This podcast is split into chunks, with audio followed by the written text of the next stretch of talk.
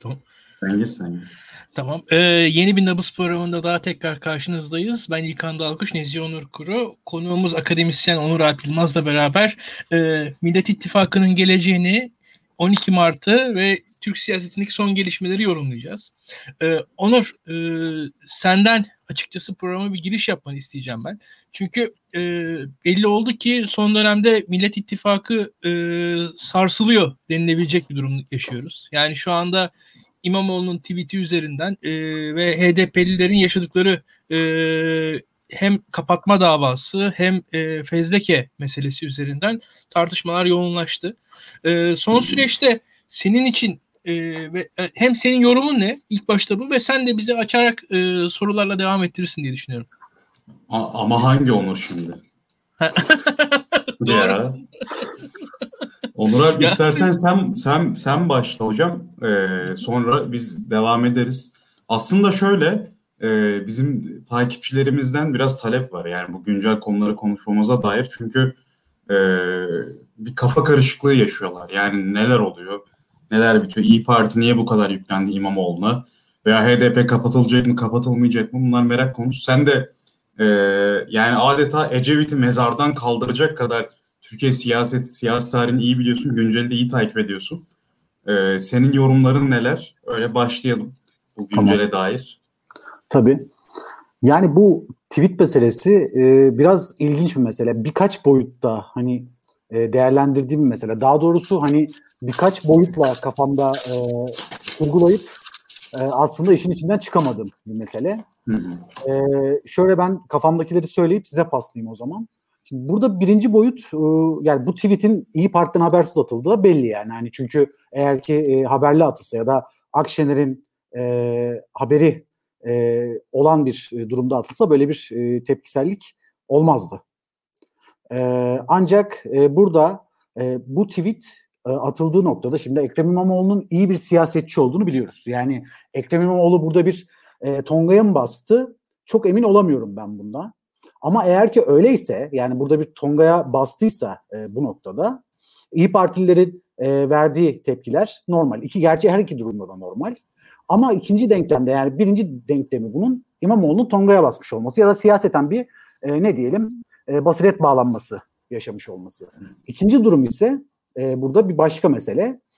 İmamoğlu Akşener'in bu Anadolu gezilerinde elde ettiği e, popü, popülariteyi gördü ve burada aslında e, Akşener'i hani olası bir cumhurbaşkanı adaylığı için eğer ki İmamoğlu'nun böyle bir cumhurbaşkanlığı adaylığı e, tahayyülü varsa böyle bir şeyin hayalini kuruyorsa eğer ki e, Akşener'i belki de biraz ya da İyi Parti kanadını köşeye sıkıştırmaya çalıştı olarak da yorumlanabilecek bir denklem. Burada benim kafamı karıştıran e, İstanbul Büyükşehir Belediyesi'ndeki e, aslında ticari ilişkilerin İyi Parti ve CHP arasında girifleşip e, girifleşmediği e, noktasında düğümleniyor. Yani bunun birincisi mi, ikincisi mi olduğunu anlayabilmemiz için aslında biraz oradaki e, ilişkiler anı bilmemiz gerektiğini düşünüyorum e, ve size paslıyorum. Ee, yani aslında sen e, fotoğrafı iyi çektin dediğin gibi. Yani e, Akşener'in veya İyi Partililerin, İyi Partililerin haberinin olmadığı çok açık. Hani Akşener'in var mı yok mu bu da bazıları var diyor, bazıları yok diyor ama yorumlardan e, olmadığı anlaşılıyor. Yani yorumlardan anlaşılan şu, herkesin ortak yani her ifadeyi dinledikten sonra vardığımız sonuç şu. 8 Mart'ta fidan dikme etkinliğine e, Meral Akşener davet edilmiş Ekrem İmamoğlu tarafından.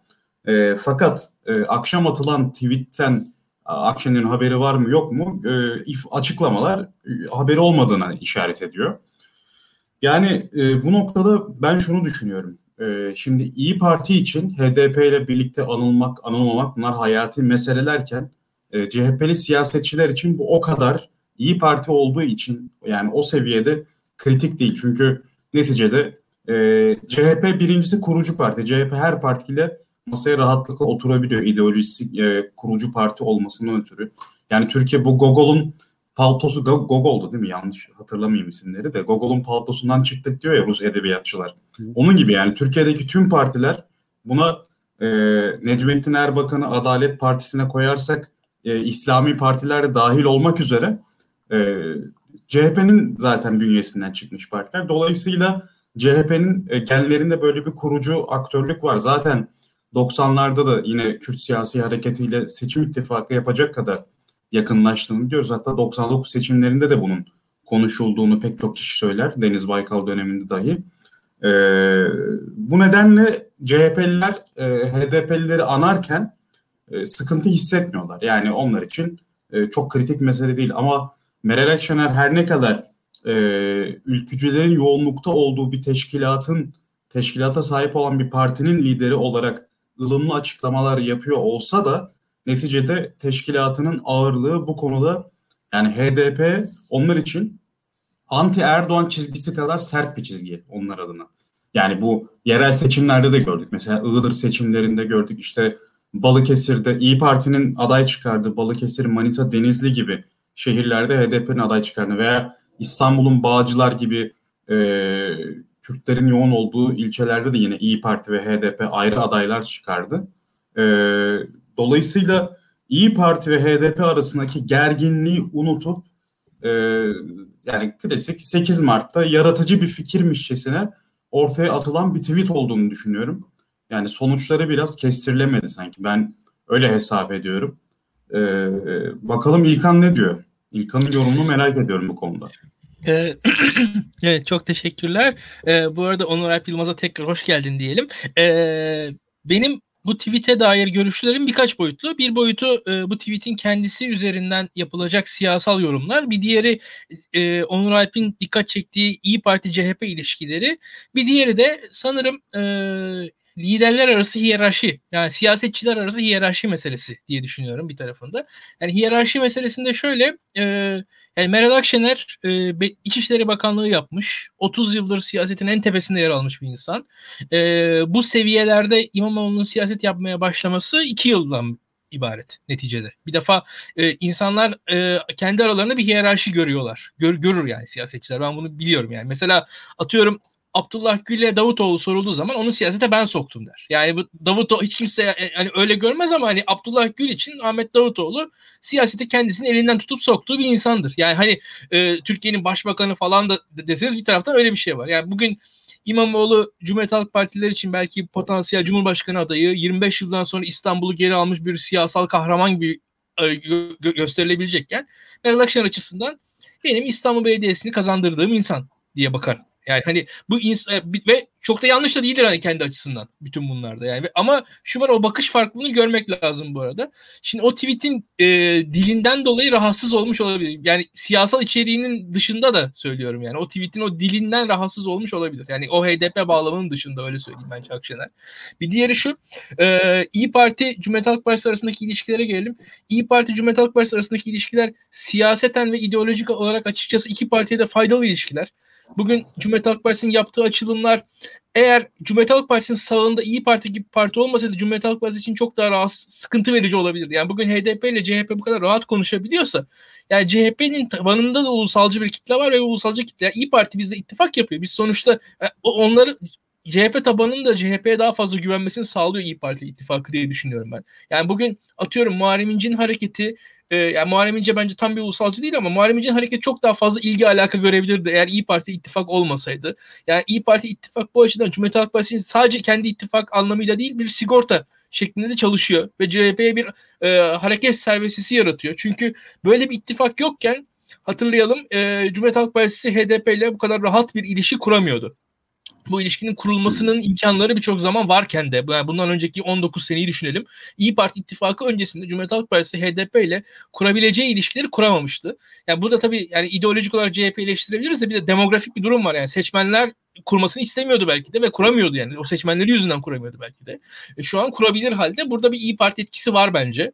E, bunu söylemek lazım. Ha, bunun dışında şu var ama e, seçim sonrasında bu tepede doğru düzgün gözüken ittifakın e, verdiği bazı kötü sinyaller oldu şimdiye kadar. Yani bunlardan bir tanesi Onur Alp Yılmaz'ın belirttiği belediyeler, kadro vesaire meseleleri bunlar tartışmalı şeyler. İşte e, Ümit Özdağ'ın bahsettiği İmamoğlu, İyi Parti vesaire o tarz hareketler. Ya kimse anlamadı onun içeriğini ama demek ki bir şeyler var orada. Onu sezebiliyorum. Ben ben anlamadım en azından bir şey olabilir. Bir diğeri e, Menemen Belediye Başkanlığı meselesi vardır. Belki kaç kişi ne kadar bilir bilmiyorum ama burada e, İzmir'de Menemen Belediyesi'ni belediye başkanı görevden alındı. Belediye meclisinde CHP ve İyi Parti çoğunlukta olmasına rağmen İyi Partili üyeler AK Parti adayına oy verdiler. Bir şekilde kura murra bir defa tekrar edildi vesaire. En sonunda AK Parti'ye geçti belediye kurayla. Yani bu tarz şeyler şu an ülke siyasetinde hissedilmedi ama yerel bazda ya partiler bazında örgütler bazında konuşulan şeyler. Öyle söyleyelim. Yani burada bazı e, rahatsızlıklar da yok değil. Yani totalde e, ülke siyasetinde sorun yok ama altta öyle sorunlar var. Ha bunun ötesinde e, tweet'in siyasi içeriğine gelirsem e, bugün Türkiye şartları belli. Bugün Türkiye şartlarında muhalefetin iktidarla e, siyasal bir mücadeleyi kazanması için HDP oyuna ihtiyacı var. Yani ve HDP oyununa da ihtiyacı olduğu görüldü. Bu işin e, bu sistemin yürüyebileceği de görüldü yerel seçimlerde. Ankara'da, İstanbul'da, İzmir'de, Mersin'de bu sistem yürüdü. Yürümediği yerlerde e, bu bu sistemin kurulmadığı yerlerde dediğin gibi e, Denizli gibi ama Manisa gibi Balıkesir gibi yerlerde başarısızlıklar elde edildi. Şimdi bunları üst üste koyalım. E, buradan sonrasında da şu var. Hmm, Şimdi Cumhuriyet Halk Partisi'nden e, yani ben daha liberal bir insan olarak çok şey beklerim. Ama e, Cumhuriyet Halk Partisi'nden haksız bir beklenti vardı. Cumhuriyet Halk Partisi HDP olamaz. Cumhuriyet, ama şu var. Cumhuriyet Halk Partisi şu olabilir. E, Cumhuriyet Halk Partisi'nin bir kendi Kürt politikası olabilir. Cumhuriyet Halk Partisi'nin kendi bir PKK politikası olabilir. Bu PKK'ya karşı bir politikası olabilir. Kendine has bir politikası olabilir. Ve bu politikası olabilmelidir. E, Cumhuriyet Halk Partisi'ne ve Cumhuriyet Halk Partisi'nin HDP ile olan ilişkilerine açıkçası e, tahakküm koymak isteyen e, bir e, kamuoyu oluşuyor. Bunu e, hatalı, yanlış ve e, baştan sorunlu buluyorum. E, bugün bakarsanız Adalet ve Kalkınma Partisi'nin kendisinin bir PKK ile ilişkin politikaları olduğu zaman içerisinde 19 senede farklı farklı politikaları kullandı. Ve burada bu politikalar eleştirildi, eleştirilmedi ama mesela bakarsanız bu politikalara top, toptan tahakküm koymak isteyen kim olmuştu? Cemaat olmuştu mesela 7 Şubat zamanında. Hakan Fidan'ın gözaltına alınmasıyla mesela. Yani bu politikalara tahakküm konulması, devlet unsurları tarafından tahakküm konulması antidemokratik bir şeydir. Cumhuriyet Halk Partisi'nin şu anki politikasına da tahakküm konulması demokrasiye yapılan bir saldırıdır. Bu açıdan bu politikalar değerlidir ve Türkiye'ye bir alan açmaktadır. Açık konuşalım. Ben zamanında şöyle bir şey demiştim. Yani bugün e, Türkiye'nin ulusal bütünlüğüne, bağımsızlığına karşı e, duyarlı e, olan insanlar. Bu bu tarz duyarlılıkları yüksek olan insanlar. Madem bu, bu tarz duyarlılıkları yüksek HDP oy veren kitlenin Türkiye sisteminin içerisine entegre edilmesi Türkiye açısından güvenlik meselesi sayılmalıdır. Bu kitlenin Türkiye sistemi içerisinden, kendi Türkiye'deki seçim sistemi içerisinden, Türkiye'deki anayasal yapılar içerisinden kendisine, e, kendi de kendi sorunlarına çözüm araması e, bu bu duyarlı insanların açıkçası istemesi gereken bir şeydir diye düşünüyorum ilk başta. Bu konuda e, ben daha konuşurum. Sizi geçin devam edelim. Yani e, şimdi şöyle bu birkaç şey var burada tabii. Mesela şey söylediğin şey çok önemli burada. Bu İyi Parti ve CHP'nin birbirinin varlığının e, birbirlerine karşı bir avantaj sağladığı meselesi çok doğru. E, şeyi hatırlayalım. Dokunmazlık e, oylamasını hatırlayalım. CHP orada e, bir inisiyatif e, koyup e, işte dokunmazların dokunmazlıkların kal, kaldırılmasına karşı oy kullanamadı. E, sırf bu kullanılır e, diye. Hatta Muharrem İnce o dönemde açıkça e, hayır verip buna bunu da e, şeye karşı, parti yönetimine karşı kullanmıştı. Yani e, böyle bir e, işte ne diyelim e, temel anayasal bir meseleye bile nasıl bu şekilde yanlış bir tutum sergileyebilirsiniz diye uzun dönem kullandı bunu CHP yönetimine karşı. Ama bunun yanında tabii İyi Parti açısından da örneğin Burak Avuncu'ya atılan FETÖ'cü damgası e, CHP orada olduğu sürece yani bu ülkenin e, laiklikle alakalı kaygılarıyla e, ünlenmiş partisi orada olduğu sürece mesela Burak e, Kavuncu ile ilgili bu FETÖ damgası da kolay kolay tutacak bir damga değildir. Yani aslında iki tarafında birbirinin elini rahatlatan ve birbirine hamle şansı tanıyan, birbirine hamle alanı açan birçok noktası var. Burada şey meselesi de çok doğru. Yani e, Kürt meselesiyle ilgili yaklaşım e, e, noktası da çok doğru. Ve burada şeye katılıyorum. HDP ile alakalı e, söylediğin şeye yüzde yüz katılıyorum. Bence e, bugün kendisini Türk milliyetçisi olarak adlandıran herkesin bu meseleyi oturup bir düşünmesi lazım. Yani HDP'nin e, bugün Türk siyasetinde varlığı Türk siyasetine ne kazandırır? Yokluğu Türk siyasetine ne kaybettirir? Bu denklemi oturup bir düşünmesi lazım ki biz bu süreci 90'ların başından 90'ların sonuna kadar uzanan süreçte yaşadık. Mesela Halkın Emek Partisi e, o kadar Kürt milliyetçiliğini önceleyen en azından böyle hani siyaset bilimi literatürle söylemek gerekirse bir single issue parti durumunda değildi. İşte içlerin içinde mesela Fehim Işıklar gibi Türkiye'li sosyalistler vardı. daha sosyal demokrat söyleme sahip ama Kürt sorununun çözülmesini de demokratik yollarla çözülmesini de önceleyen bir gündeme sahipti. Hep kapatıldı ardından işte Özdep Dep süreci başladı ve her kapanan partinin yerine açılan parti daha radikal bir Kürt söylemi benimsemeye başladı ve söylem olarak da söylem bazında da PKK'nın tezlerine ve söylemlerine yaklaşmaya başladı. Şimdi HDP'nin 2014 itibariyle başlattığı süreç yani daha doğrusu HDP süreci Türkiye'lileşme iddiası bence Türkiye açısından çok önemli bir süreçti. Ve e, bu süreç iktidar açısından kaçırılmış olsa da bence henüz muhalefet kanadı açısından kaçırılmış değil.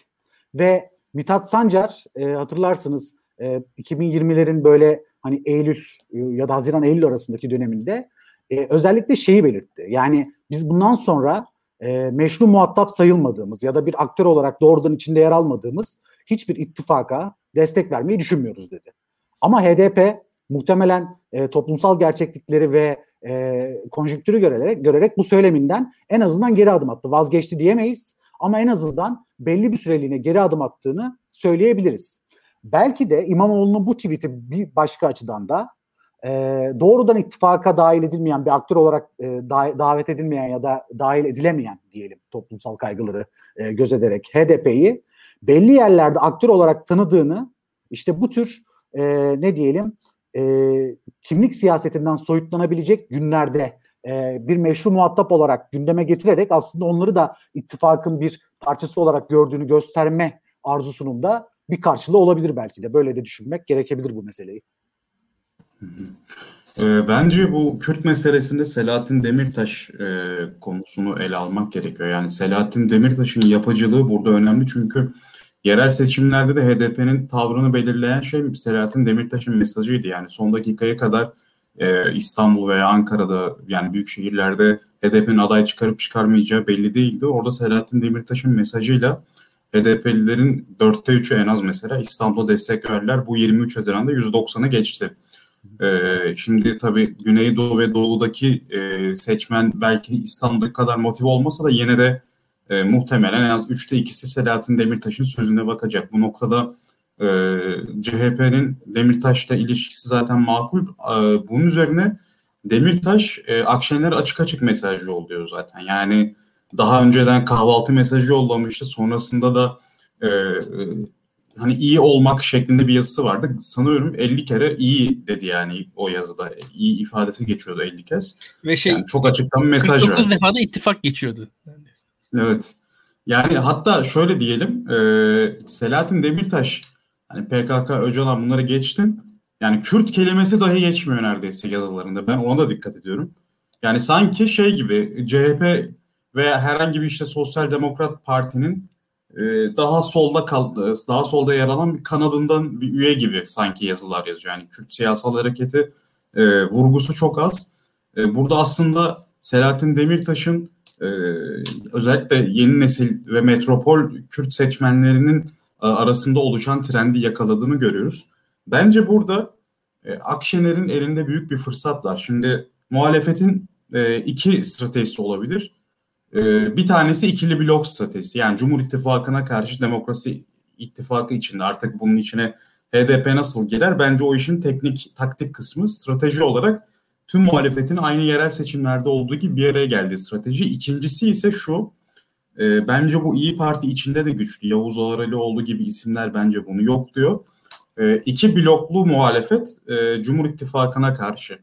Yani zaten burada e, Erdoğan'a sürekli parlamenter sistem çağrısında bulunulması da önemli. Yani Erdoğan sistemde kalsa bile parlamenter sisteme dönüşle biz üçlü blok stratejisiyle muhalif milliyetçileri, muhalif sağcıları hatta CHP'nin de bir kısmını toplayarak Türkiye'nin merkezini kendimize göre inşa edebiliriz. Zaten Meral Akşener'in ilk günden beri e, ifadelerinde kendisine çok sık yer bulan bir kavram var. Milliyetçi merkez. Aslında bu e, Türkiye'nin merkez apolitik hem merkez ideolojik hem de merkez apolitik kimliğine e, seçmen grubuna hitap eden bir şey. Çünkü gerçekten Türkiye'de zaten milli eğitim ve yaygın kimliklerin etkisiyle beraber hakikaten etnikçi ve çoğunlukçu milliyetçi anlayış var.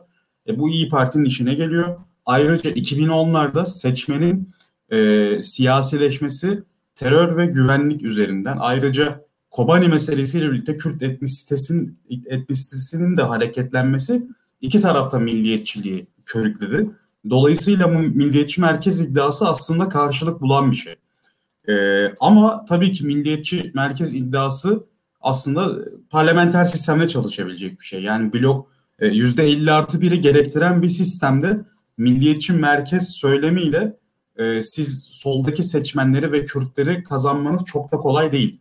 Neticede e, Kürtler burada kazananı belirleyecek. Yani Selahattin Demirtaş'ın olur verdiği aktör kazanacak. Eğer yüzde 50 artı 1 ile biz seçimlere gidersek mevcut sistemde e, dediğim gibi yani burada Demirtaş'ın olurunu alan kazanacak. Ama e, acaba şöyle mi düşünüyorlar bir yandan İyi Partililerin bir kısmı? Yani tamam şu an biz anketlerde Kürt oyu alamıyoruz. E, HDP'liler soğuk bakıyor Sayın Akşener'e.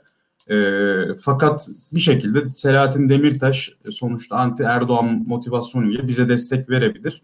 Ve biz Akşener'i Cumhurbaşkanı yapabiliriz. Yani bu Akşener bunu düşünüyor olarak e, ifade etmiyorum. Bunu İyi Partililerin bir kısmı arzu ediyor olabilir. Çünkü baktığınızda e, İyi Partililerin önemli bir bölümünün ideolojik çizgisi yani CHP'nin içindeki sosyal demokrat kanatla da örtüşemiyor aslında. Yani mesela Canan Kaftancıoğlu Buğra Kavuncu'yla masaya oturabiliyor ama siz Canan Kaftancıoğlu'nu mesela e, Yavuz Ağralioğlu'yla aynı masada hayal edebiliyor musunuz? Ben edemiyorum şahsen.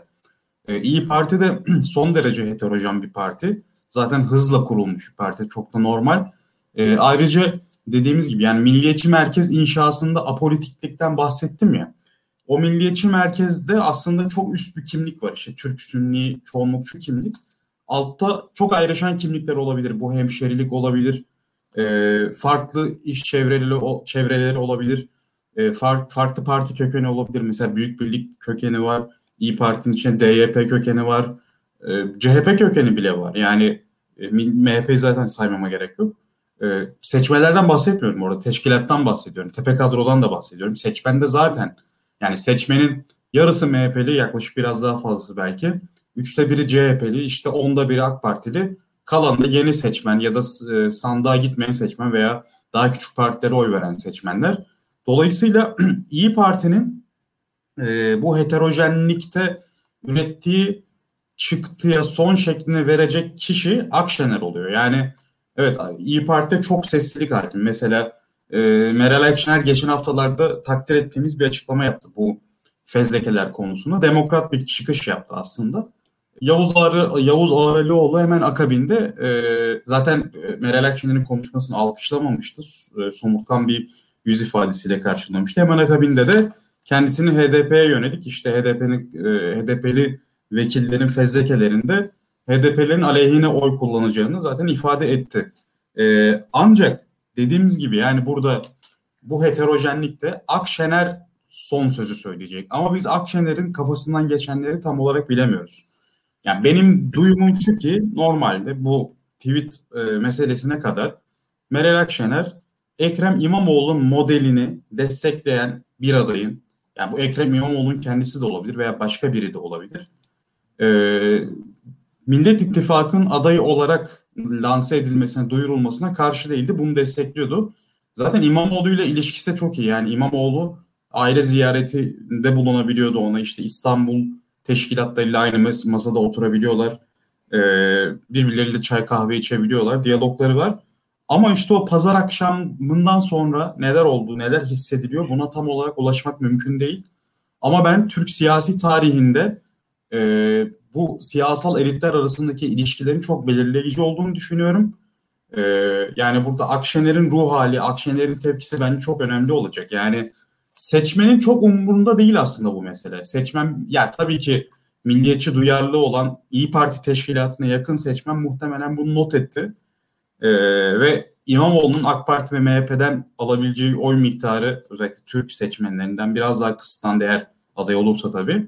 Ama genel olarak yani oy potansiyelinin %90'ına bir etkide bulunmadı. Bu hatta HDP'li seçmenler arasında hatta HDP'li olmayan Kürt seçmen arasında bile bir artı yazdı İmamoğlu'na.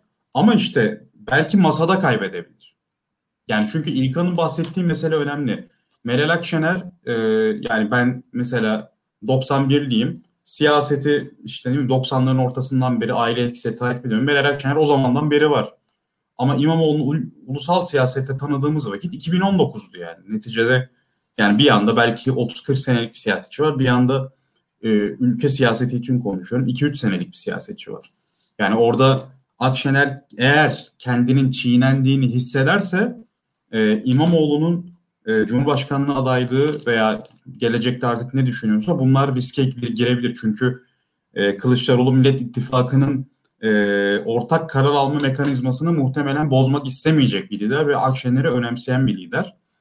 E, ben burada e, o Millet İttifakı içerisindeki en tepedeki ilişkilerin çok sağlam tutulması gerektiğini düşünüyorum. Eğer Akşener de böyle hissediyorsa şayet CHP ve İmamoğlu'nun eğer İmamoğlu Cumhurbaşkanı adayı olsun veya olmasın yani 2024'te e, yerel seçimler olacak. Belki yerel seçimlerde aday olacak. Belki İmamoğlu aday olmayacak o seçimlerde. Hani köprünün altından çok sular akabilir.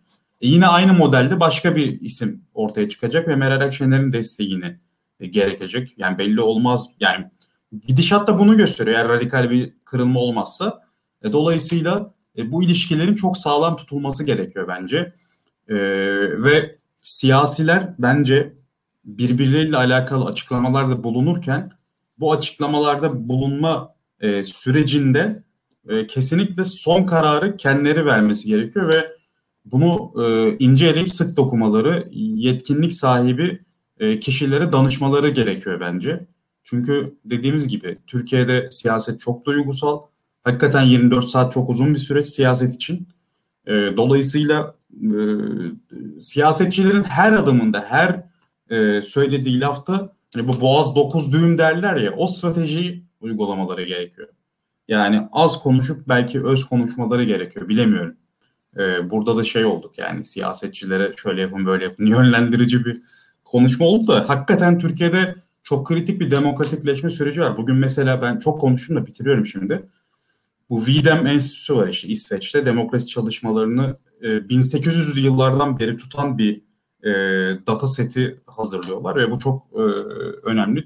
Pek çok akademik çalışma bu veri setini kullanarak yayın yapıyor demokrasi literatüründe. Yani Türkiye'nin demokrasi endeksindeki skoru 100 üzerinden 11. Biz e, Tayland'dan gerideyiz. Yani gerçekten Türkiye'de e, pek konuşulmasa da 1 milyon 200 bin kişi terör soruşturması e, geçir yani terör soruşturması konu olmuş vatandaş sayısı 1 milyon 200 bin. HDP'nin kapatılması ihtimalinden sanki yani şey gibi e, İstanbul Ankara arasında otoyol yapılacakmış gibi hani normal politik bir hamle olarak bahsediyoruz. Ya İmamoğlu'nun attığı tweet mesela yani özelinde çok medeni bir tweet değil mi? Gayet işte ülkede parlamentoda temsil edilen 5-6 milyona 5-6 milyon oya sahip iki partinin kadın genel başkanlığını birlikte anıyor. E, aslında çok medeni bir şey ama sanki şey yani böyle e, namus meselesine döndü gibi oldum geçilerin tepkilerini gördüğümüzde ve e, muhaliflerin e, iktidarın dışlayıcı söylemlerini bir şekilde artık e, olumlamaması gerekiyor. Yani tamam burada Meral Akşener'in 40 senelik geçmişi bunlar önemli. Orada ezip geçilmemesi önemli. Fakat metnin içeriğine bu kadar tepkiyi anlayamıyorum. Yani Pervin Buldan e, şahsen TBMM'de kaç kere oturum yönetmiş bir kişi. Yani TBMM'nin başkanlık başkanlık mı diyoruz onu artık tam e, tekniğini hatırlamıyorum o koltukta oturmuş birisi. Yani o koltukta oturmuş birisi zaten halkın oylarına seçilmiş olması yeterli de hani onu da hatırlatayım yani. Yani biz bunları konuşuyoruz. Alelade şeyler gibi. Aslında çok dramatik şeyler. Yani Türkiye'nin demokrasi skoru 100 üzerinden 10, 11'e inmişken ideal demokrasi skoru. Özgürlük skorları 10 üzerinden 2-3'lere inmişken bence e, her siyasetçinin e, bu kızılcık şerbeti içme meselesi var ya onu yapması gerekiyor yani. Yani biraz daha sabretmesi gerekiyor diye düşünüyorum ben. Şimdi ben birkaç şey e, izninizle ekleyeyim. E, birincisi e, Onur'a çok katılıyorum. Ee, Head, İyi Parti çok demokratik bir parti bence. Türkiye şartlarına göre. Çünkü Türkiye şartlarına göre yani Türkiye şartlarında siyasette parti disiplini çok önemli.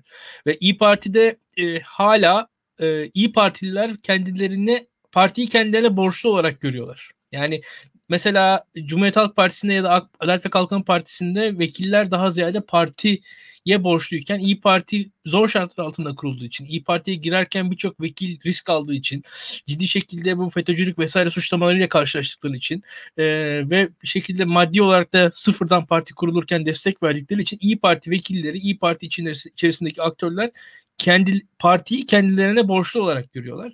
E, ve bu yani daha doğrusu diğer partilere göre böyle bir görme tarzı var ve İyi Parti'de o yüzden farklı farklı sesler aynı anda duyuluyor. Yani diğer partilerde duyulmadığı kadar diye düşünüyorum ben. Yani ve İyi Parti'den beklemeyeceğimiz kadar.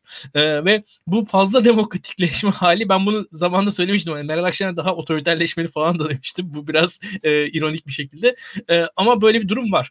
Ha bu şu demek değil. İyi Parti'de de neticede e, e, seçmenlerle yöneticiler arasında bir fark var mı yok mu falan tartışılır. Yani burada da Meral Akşener'in son sözü söylemesi konusunda yine haklısın. Ya çok basitçe biz yani Ümit Özdağ İstanbul Büyükşehir Belediye Başkanı adayı olsaydı başka bir Türkiye'den bahsediyor olurduk. Yani 2019'da. Ve yani Ümit Özdağ'ın hatta şöyle söyleyelim Suriyeliler odaklı bir kampanya yaptığını düşünün İstanbul'da yerel seçimlerde etkili olur muydu? Yani seçimi kazanamazdı ama bir şekilde bir etkisi olurdu. Ee, ve yani Ümit Özdağ gibi bir ismin İstanbul Büyükşehir Belediye Başkanı adayı olduğu bir Türkiye'de bambaşka bir sonuç çıkardı ortaya. Ee, bu tarz e, sonuçlarda hani Meral Akşener hakikaten etkili olmuş. Ee, buradan devam edelim. Ee, yani benim açımdan şu var e, neticede Türkiye'de biz genel seçime doğru gideceksek mesela geçmişteki gibi hani bir daha öncesinde de yerel seçim tecrübemiz var. Genel seçime doğru gidecekken bu konular konuşulmadan da gidilmeyecek. Yani tamam İmamoğlu'nun tweetinde dediğin gibi sıkıntı olabilir, şu olabilir, bu olabilir ama yani eğer herhangi bir iyi Parti seçimi kazanacaksa yani Yavuz Ağıralioğlu diyelim Cumhurbaşkanı adayı oldu. Ağıralioğlu seçimi kazanacaksa o da HDP oylarıyla kazanacak. Yani hani bir de öyle bir durum var. Yani Ağıralioğlu istemese de HDP oylarıyla kazanacak. Yani yapabilecek yani eğer kazanmak istiyorsa. Şimdi bir de böyle bir gerçeklik var. Ve bunu yok saymanın da alemi ne kadar var bilmiyorum. Bunu yok sayarak nereye kadar varabiliriz onu da bilmiyorum. Yani bir, o taraf var o işin. Ve bu e, bu, bu gerçekliği kabul etmek gerekiyor. Şöyle bir şey var. Hani siyaseten ilk aşamada şu düşünülebilir. Yani bu konuyu muhalefetin konuşması e, ne kadar doğru? Pratik, pragmatik bakışla çok da doğru olmayabilir. Bu söyle bu, buna buna katılıyorum ama şu var. Yarın bu konuyu zaten iktidar gündeme getirecek. Yani bugün bakalım ben bugün Akit Gazetesi'ni aldım baktım. Diyor ki yani İyi Parti ile e, Meral Akşener'le Ekrem İmamoğlu arasındaki bu mesele esasında yalandan bir mesele. Tiyatro oynanıyor. İyi Parti milliyetçiymiş gibi göstermeye çalışıyorlar diye. Yani orada öyle bir bakış var. Öyle söyleyeyim ben size. Yani artık e, o taraftaki bakış şu yani İyi Parti'nin milliyetçi duyarlılığının sahte olduğunu anlatmaya çalışan bir bakış anlatılıyor şu an mesela Adalet ve Kalkınma Partileri. Orada daha da fantastik bir noktaya doğru gidiyor iş artık. Yani hani İyi Partililerin böyle sahte milliyetçilik yaptıklarını iddia eden bir AK Partili bir kitle oluşmaya başladı. O hale geldi olay. Yani biz bunu e, yani şöyle bir şey var. Ortada olan şeyi saklayarak, yok sayarak, yokmuş gibi yaparak bir yere kadar gidiyor. Ve ve şöyle bir durum var. Devam edelim. Ee, tecrübe çok önemli.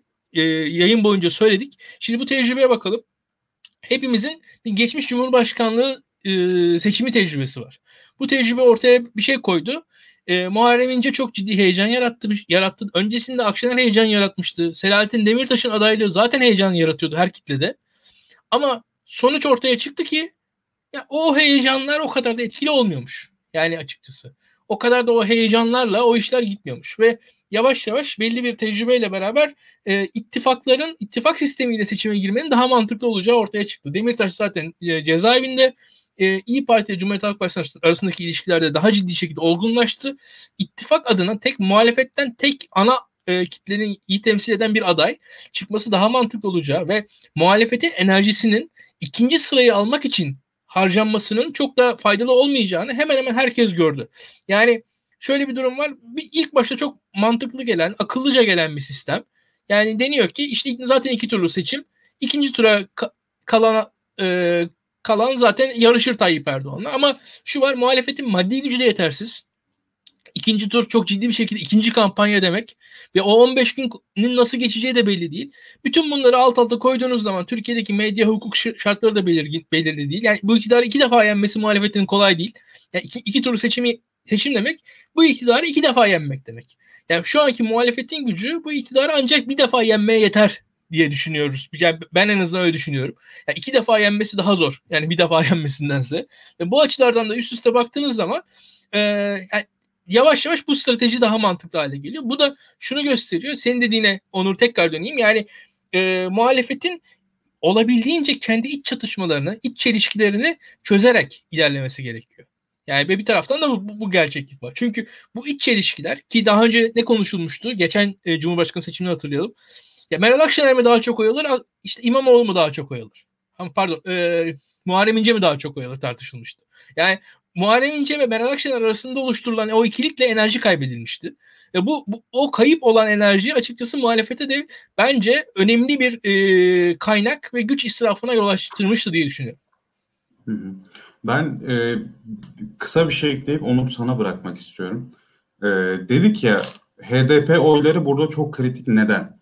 Şimdi Mansur Yavaş Meral Akşener'den çok daha popüler bir figür şu an. Yani çok farklı araştırmalarda şunu görüyoruz. Tayyip Erdoğan'ı geçen iki aday var. Ekrem İmamoğlu ve Mansur Yavaş. Bu neyi gösteriyor? Ee, Millet İttifakı modelinin yani yerel seçimlerde uygulanan çalıştığını ve halkın Erdoğan karşısında bu modeli istediğini gösteriyor. Yani tek aday stratejisini istediğini gösteriyor. Şimdi burada kritik olan şey şu. Bazı kişiler diyor ki özellikle milliyetçi olanlar ee, İmamoğlu e, Kürtlerle çok yakın poz veriyor. İşte eşi Başak Demirtaş'la görüşüyor. Kendisi Pervin Buldan'la alakalı tweet attı. Onu işaret ederek. Dolayısıyla AK Parti ve MHP'den hiç oy alamaz. Mansur Yavaş ise o kitleri de beğeniliyor. Oradan oy alır diyor. Şimdi son metropol anketine bakın. Orada 2018'de parti kırılımlarına göre e, oy dağılımları var.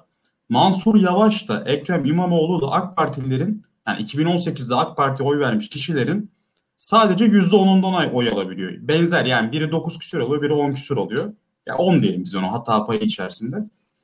Ve kritik olan nokta şu. MHP'lilerden e, İmamoğlu daha çok yüksek, daha çok destek alıyor Mansur Yavaş'a göre. Tabii ki e, o anket Türkiye geneli bir anket. Hani sadece MHP'leri temsil etmiyor ama bu, bu çok önemli. Yani dağlar kadar fark yok. Hatta İmamoğlu önde çıkıyor. Yani orada hatta Mansur Yavaş'ın daha çok CHP ve İyi Parti seçmenlerini konsolide ettiğini görüyoruz. Çünkü yani Atatürkçü milliyetçi profili uygun olan Mansur Yavaş gibi Ekrem İmamoğlu daha yani hem sosyal demokrat hem liberal bazen işte Kürt siyasetine de yakın mesajlar verebilen hani ulusalcı diye tabir ettiğimiz seçmen kitlesini bazen sinirlendirebilen tırnak içerisinde bir aday. Fakat iki aday da benzer oy alıyor. Şunu biliyoruz Ankara'da Mansur Yavaş %60 ile başlamıştı. 51 ile bitirmişti. İmamoğlu %30'la başlamıştı. %48'le bitirmişti. İkinci seçimde de 54 almıştı. Şimdi e, İmamoğlu'nun şahsını övmek değil bu. Yani son tweetin ne kadar doğru yanlış olup olmadığını detaylara hakim olduğumuz için değerlendiremiyorum. Ama Akşener'in haberi olmadan o tweet atılmışsa bence mesela siyaseten yanlış bir şey. Siyaseten yanlış yapabilen bir isim. Yani mesela siyasal iletişimin siyasal politikaların önüne geçmesi de İmamoğlu için bence eksi. Ama İmamoğlu gibi e, bir kalıba oturtulamayan, İç Anadolu hariç tüm bölgelerde birinci olabilecek bir adayın e, kolayca kenara konulması bence muhalefet için çok mantıklı değil. Yani İmamoğlu aslında şunu temsil ediyor. Ee, Türkiye'de aslında ortalama seçmen baktığınızda e, çoğunluk itibariyle, çoğunluktan bahsediyorum. E, sıradan dindar, Türk Sünni değil mi? Normalde bu profil ve çok da milliyetçi değil yani Kürtlerle anlaşabiliyor, komşu olabiliyor filan böyle e, ülkücüler kadar Kürtlere karşı çok sert değil. Bu çizginin temsil edildiği bir parti yok. Şimdi bakın şu an çok açık konuşuyorum da yani HDP Kürt Siyasal Hareketi'nin partisi. Ee, CHP'ye gittiğinizde CHP'de mesela Alevilerin Sünnilere oranla çok daha yoğun bir yoğun bir şekilde temsil edildiğini görüyoruz. Çünkü İyi Parti'de ülkücüler öyle. AK Parti zaten Erdoğan'ın partisi. MHP'de Bahçeli'nin partisi şu an. Yani sıradan seçmenin e, özdeşleşebileceği e, bir figür ihtiyacı var şu an. Bu figür hali hazırda varsa e, bunların değerlendirilmesi gerekir. E, eğer bunlar değerlendirilmeyecekse, kenarda yeni aday varsa onlar düşünülsün ama kenarda yeni aday yoksa İmamoğlu, Erdoğan'a geçen İmamoğlu ve Yavaş gibi isimlerin hem kendilerinin hataya düşmemesi lazım e, hem de e, diğer politikacılar tarafından korunması gerekiyor. Ve şu unutulmamalı. Dediğim gibi İmamoğlu da Yavaş da AK Parti ve MHP'den benzer derecede oy alıyor. Mansur Yavaş CHP ve İyi Parti'yi konsolide ettiği için İmamoğlu kadar oy alırken İmamoğlu CHP ve İyi Parti Mansur Yavaş kadar konsolide edemiyor ama HDP'lilerde Mansur Yavaş'tan bir 10-15 puan fazlası var. Yani HDP'lilerde %90'a yaklaşıyor. Mansur Yavaş 60-70'te kalıyor. Yani muhtemelen e, İmamoğlu gibi bir yani işte sıradan Sünni, ortalama dindar filan Atatürk'ü de seven, vatandaşı temsil eden bir figür muhtemelen CHP ve İyi Parti'yi de konsolide edecek ve onun oyu daha da artacak. Yani dolayısıyla bence muhalefet seçmeninin e, sanki böyle futbolda şey olur diye işte Tümer mi oynar, Sergen mi oynar? İşte ne bileyim Hacı mi daha iyi, Alex mi daha iyi falan. Böyle tar- bunlar lüks tartışmalar şu an için. Yani muhalefetin hakikaten bir blok olarak hareket etmesi gerekiyor. E, ve e, teşkilatçılık yapmaması gerekiyor. İyi Parti'de maalesef ben bunu gözlemliyorum şu an. Meral Akşener'den bahsetmiyorum. İyi Parti içindeki bazı isimler e, kendi bekalarını düşüyor. Bazı isimler de Akşener'in bekası üzerinden kendi bekasını düşünebilir. Dolayısıyla e, biz şunu biliyoruz. Akşener 2016'ya kadar MHP'deydi. Mansur Yavaş öyle değil. Bakın Mansur Yavaş kaç dönemdir CHP'den aday oluyor.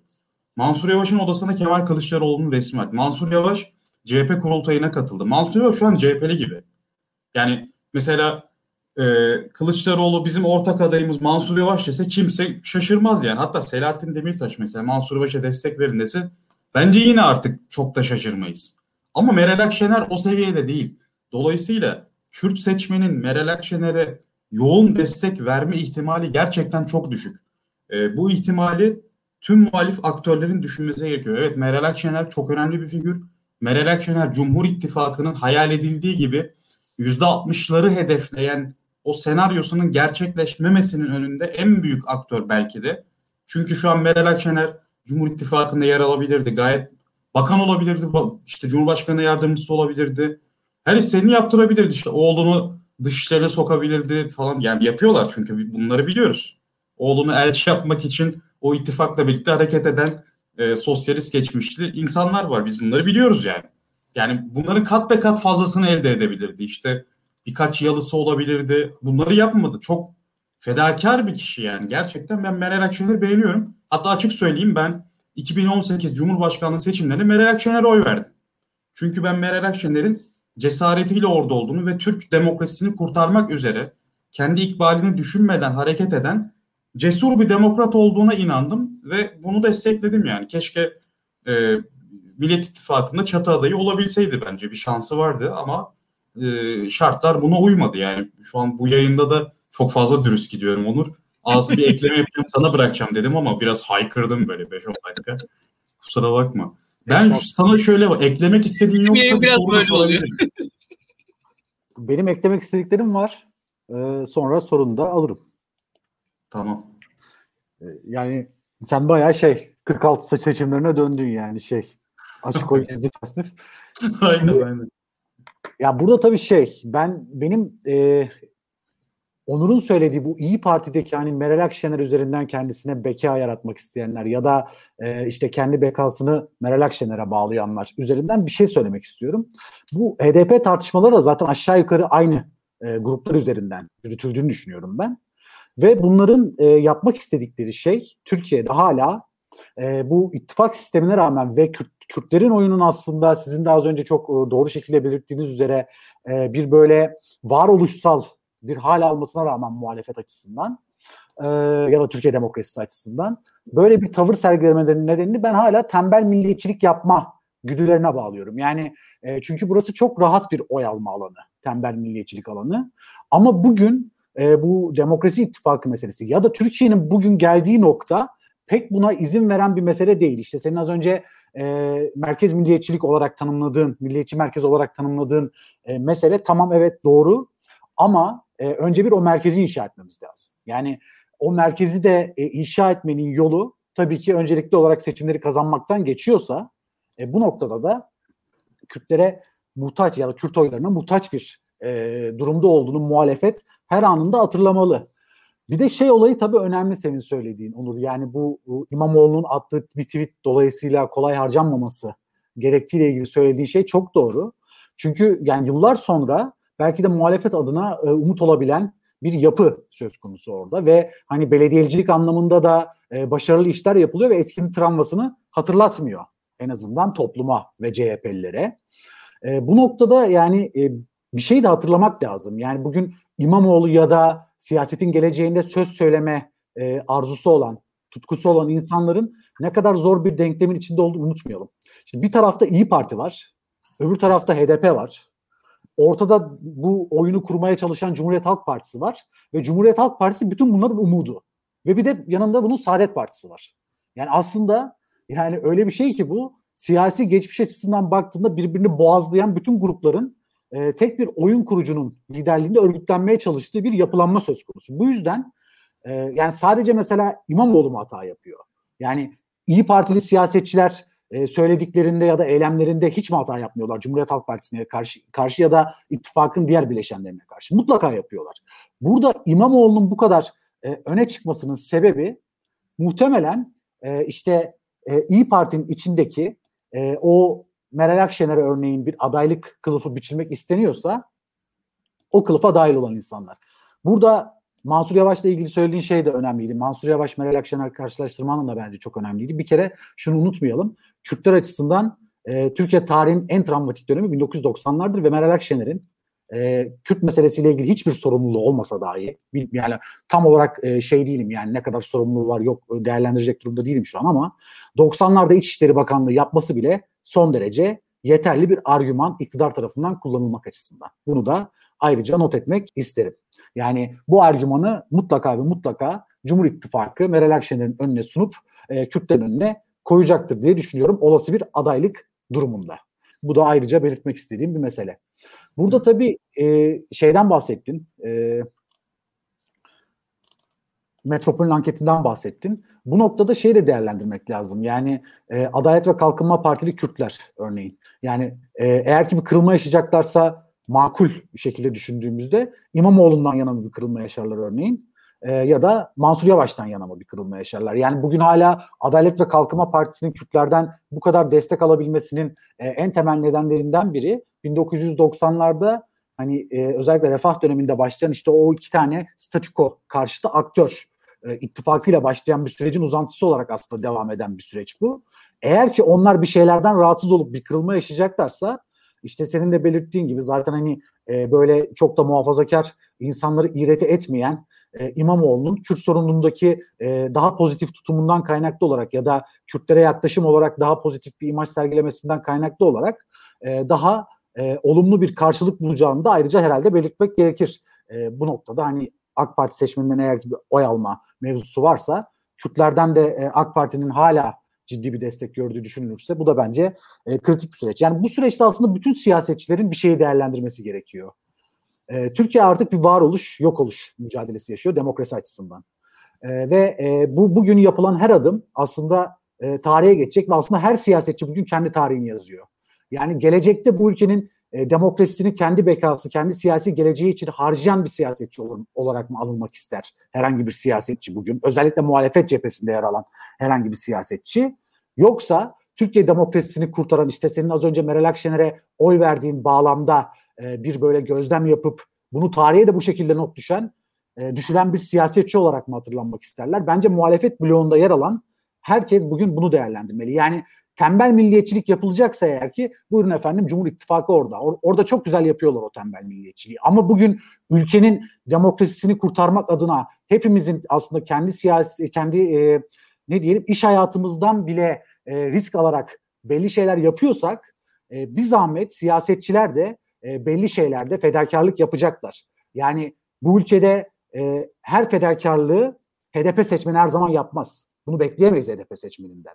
Zaten belediye seçimleri son derece büyük bir fedakarlıktı. Ha, İyi Parti kafasında şöyle bir denklem kurmuş olabilir. Gene e, Akşener'in ne kadar bu sürece dahil olduğunu e, bilmediğim için ben de it, e, daha böyle e, ihtiyatlı konuşacağım bu konuda ama en azından İyi Parti'deki belli isimler belediyelerin Cumhuriyet Halk Partisi'ne gitmesinden kaynaklı olarak Cumhurbaşkanlığı adaylığının onların partisine kaldığını düşünüyor olabilirler.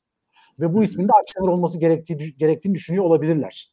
Ancak bence bugün sen ben kavgasından daha başka bir mesele var ve e, şunu unutmayalım ki Cumhuriyet Halk Partisi'nin pusulada e, bir orta noktayı temsil etmesi belediye seçimlerinde çok önemliydi. Yani ne iyi Partililer oy atarken çok iğreti oldular ne de HDP'liler oy atarken çok iğreti oldular. Ama e, pusulada bir iyi Partili e, ismin yer alması durumunda böyle olur olmaz bilmiyorum. Belki anti Erdoğan e, meselesi böyle daha e, öne çıkıp iyi Partili adayda başarılı olabilir. Ama önümüzde uygulanmış ve başarılı olmuş bir model varken e, bundan sapıp başka bir denklemi düşünmek ne kadar doğru? İşte bundan çok emin değilim diyorum ve e, sözü size bırakıyorum. Ben bir soru yöneltmek istiyorum. Biraz da tartışmanın e, odağında kaydırayım. 12 Mart meselesine de yani 12 Mart'ın yıl dönümü geçti gel yani geliyor daha doğrusu.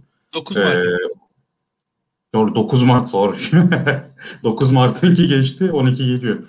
Şimdi Türkiye'de e, 15 Temmuz'un etkisini biz rahatlıkla konuşamıyoruz. Endişeli olduğumuz için ve korktuğumuz için. Çünkü e, yani Türkiye'nin demokrasi skoru 100 üzerinden 11 yani. Her an başımıza bir şey gelebilir o konuda rahat konuşursak. Ama şu mesele önemli. Tamam biz şu an e, kim aday olmalı, muhalefetin stratejisi nasıl olmalı filan bunları konuşuyoruz. Bunlar halledildi diyelim. Muhalefet seçimi kazanabilecek mi? Seçim yapılabilecek mi?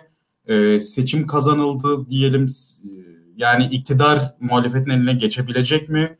Burada e, devletin silahlı güçlerinin tutumu nasıl olacak? Bu sorular da aslında ilgi çekiyor. E, sen bu konuları biliyorsun. Yani Türkiye'de e, silahlı kuvvetlerin etkisini çalışıyorsun. Yani doğrudan çalışmasan bile en azından çalışmak zorunda kalıyorsun yani. Çünkü yani halen halen aslında iç politikada şu an etkisi hissedilmese de dış politikada çok belirleyici bir gücü var şu an TSK'nın. Yani Hulusi Akar Dışişleri Bakanı gibi çalışıyor adeta. E, halen etkisi çok büyük. Ama TSK'nın etkisi ne derece evrimleşti? E, muhalefetin yeniden demokrasiyi getirme noktasında e, emniyetin, ordunun, istihbaratın e, stratejisi nasıl olur? Şöyle zor bir soru sordum sana şu an ama senin bakışın nedir? Yani böyle konuyu açmak için sorduğumu düşün. İlla buna cevap vermek zorunda değilsin. Tabii tabii. Yani şey burada bence e, en önemli meselelerden biri e, Türkiye'de ordunun e, daha ziyade daha önceki dönemlerde hani böyle ne diyelim siyasete karşı daha bir outsider aktör olma. Hani çok buna dahil olmama en azından kendi attığı adımları siyasete malzeme etmeme noktasında bir eğilimi vardı. Yani bundan kaçınıyordu Türk Silahlı Kuvvetleri özellikle. Çünkü daha bağımsız böyle o yüzden zaten yıllarca böyle hani e, orduya karşı bir güven mekanizması e, son derece yüksekti. Hani bu bütün Cumhuriyet tarihi boyunca aslında böyle ilerledi. Tabii bunun derinine indiğimizde başka meseleler de var ama e, bu önemli bir meseleydi. Ancak e, Adalet ve Kalkınma Partisi'nin aslında işte Kürt sorunuyla da burada girifleşen bir e, meselesi var. Bu arada şey de yapayım hemen. E, İvmet Emin'in bu şey bugün e, yazı sitesini de açtık. Bugün de aslında ben bu meseleyle alakalı bir şey de e, karaladım oraya. Onu da söylemiş olayım. Yani şöyle e, Adalet ve Kalkınma Partisi ne yaptı? Kürt sorunu üzerinden benim ulusalcılık çağı olarak adlandırdığım dönemde aslında her aktörün e, belli bir söyleme hapsolduğu, güvenlikçi perspektife hapsolduğu bir dönemde çıkıp başka bir çözümün e, mümkün olduğuyla alakalı bir kamuoyu yarattı. Ve e, bu çözümü de aslında e, ne diyelim e, kendisini tek e, bu noktada duran aktör olarak konumlandırarak halka böyle bir perspektif çizdi ve bu yüzden de işte toplumun belli ilerici olma iddiasındaki kesimlerinden de destek aldı. Hani en azından güvenlikçi perspektiften iyidir hani iyi kötü ama en azından güvenlikçi perspektiften iyidir gibi bir algı yarattı toplum üzerinde. Peki sonra ne oldu? Bu dönem içinde yarattığı işte bu rıza üretimiyle beraber e, toplumda ne yaptı Adalet ve Kalkınma Partisi? Aslında hukuksuz yargılamalar sonucunda Türk Silahlı Kuvvetleri'nin yapısını değiştirdi. Ve tabii daha sonrasında o sürecin 15 Temmuz'a bizi nasıl getirdiğini hepimiz biliyoruz zaten. Onun detayına inmeyeceğim. Ee, ancak 15 Temmuz'dan sonra tabii bu defa artık başka bir yapılanma ve hükümete daha yakın bir Türk Silahlı Kuvvetleri e, kurgulaması yapıldığını e, biliyoruz. E, ve e, işte bu noktada artık e, ordu yani diğer dönemden farklı olarak herhalde bu defa doğrudan zaten hani artık parti politikası ve hükümet politikası arasında doğru düzgün bir ayrım kalmadı ve bu sınırları bilerek iktidar muğlaklaştırdığı için e, ve doğrudan o güvenlik zırhını üst, üzerine giydiği için e, Hulusi Akar'ın da Milli Savunma Bakanı olması dolayısıyla e, artık yani bir AK Partili figür olarak hareket ettiğini düşünürsek e, bu noktada aslında bakıldığında e, şeyi çok net görebiliriz. Yani bugün Türk Silahlı Kuvvetleri'nin e, politikası ilk defa siyasetin denetimi altında. Yani tam tersine döndü aslında denklem. Daha öncesindeki e, süreçte e, zaman zaman siyaset ordunun vesayeti altına girebiliyorken bugün e, or, e, tam tersine siyasetin e, vesayeti altında bir ordudan bahsedebiliriz. Ama bu tabii ki e, vesayet olarak kodlamak ne kadar doğru emin değilim. Çünkü e, ordunun içindeki subayların Erdoğan'a bağlılığını e, e, düşündüğümüzde ya da bu yeni rejime bağlılığını düşündüğümüzde bu ilişki bir vesayet ilişkisi olarak algılıyorlar. E, bundan da çok emin değilim. E, ama tuhaf şekilde silah elinde tutan e, bir kuruma karşı e, Türkiye'de ilk defa yani tuhaf ederken aslında olması gereken bu tabii de yani e, siyaset kurumunun e, bir vesayet söz konusu. Yani asimetrik ilişki bu defa siyaset lehine. Ama bu lehine olma demokrasiye yönelik değil, bunu unutmayalım. Adalet ve Kalkınma Partisi'nin e, yeniden eskiden aslında e, dağıtmakla yükümlü olduğunu söylediği, dağıtacağını söylediği güvenlik perspektifini gene aynı meseleler üzerinden aslında üreterek, yani aynı meseleler üzerinden bir güvenlik perspektifi üreterek ortaya çıkarttığı bir e, konu olduğunu da söylememiz lazım. Bu noktada da yani ordunun aslında e, örneğin PKK ile yaptığı mücadele ya da Suriye'deki operasyonlarda yaptığı işler bir yandan da Adalet ve Kalkınma Partisi'nin ya da Tayyip Erdoğan'ın iradesiyle, onun güçlü liderliğiyle mümkün olan meseleler gibi ortaya konulması da bu meseleyi tabii daha tuhaf bir hale, getiriyor. Yani ben şeyi de düşünüyorum. E, Hulusi Akar örneğin 2018 seçimlerinden önce biliyorsunuz Abdullah Gül'ün evine helikopterle indi. Şimdi bu kadar ve o zaman daha e, yani unutmayalım ki Genelkurmay Başkanıydı. Henüz e, bakan da değildi. E, Genelkurmay Başkanı iken bunu yapan e, bir figür varsa ortada e, Türk Silahlı Kuvvetleri'nin durumunu e, zaten hani daha iyi anlatacak bir örnek var mı? Buna çok emin değilim. Ve e, iktidar değişmesi durumunda, iktidarın değiştiği bir denklemde ordunun daha işte demokrasiye bağlı bir hale getirilmesi e, nasıl sağlanabilir? E, bu benim de kafamda e, e, sorguladığım bir mesele. Sadece ordu için de söylemiyorum bunu. Mesela e, Millet İttifakı örneğin iktidar olursa e, Millet İttifakı'nın valileri kim olacak?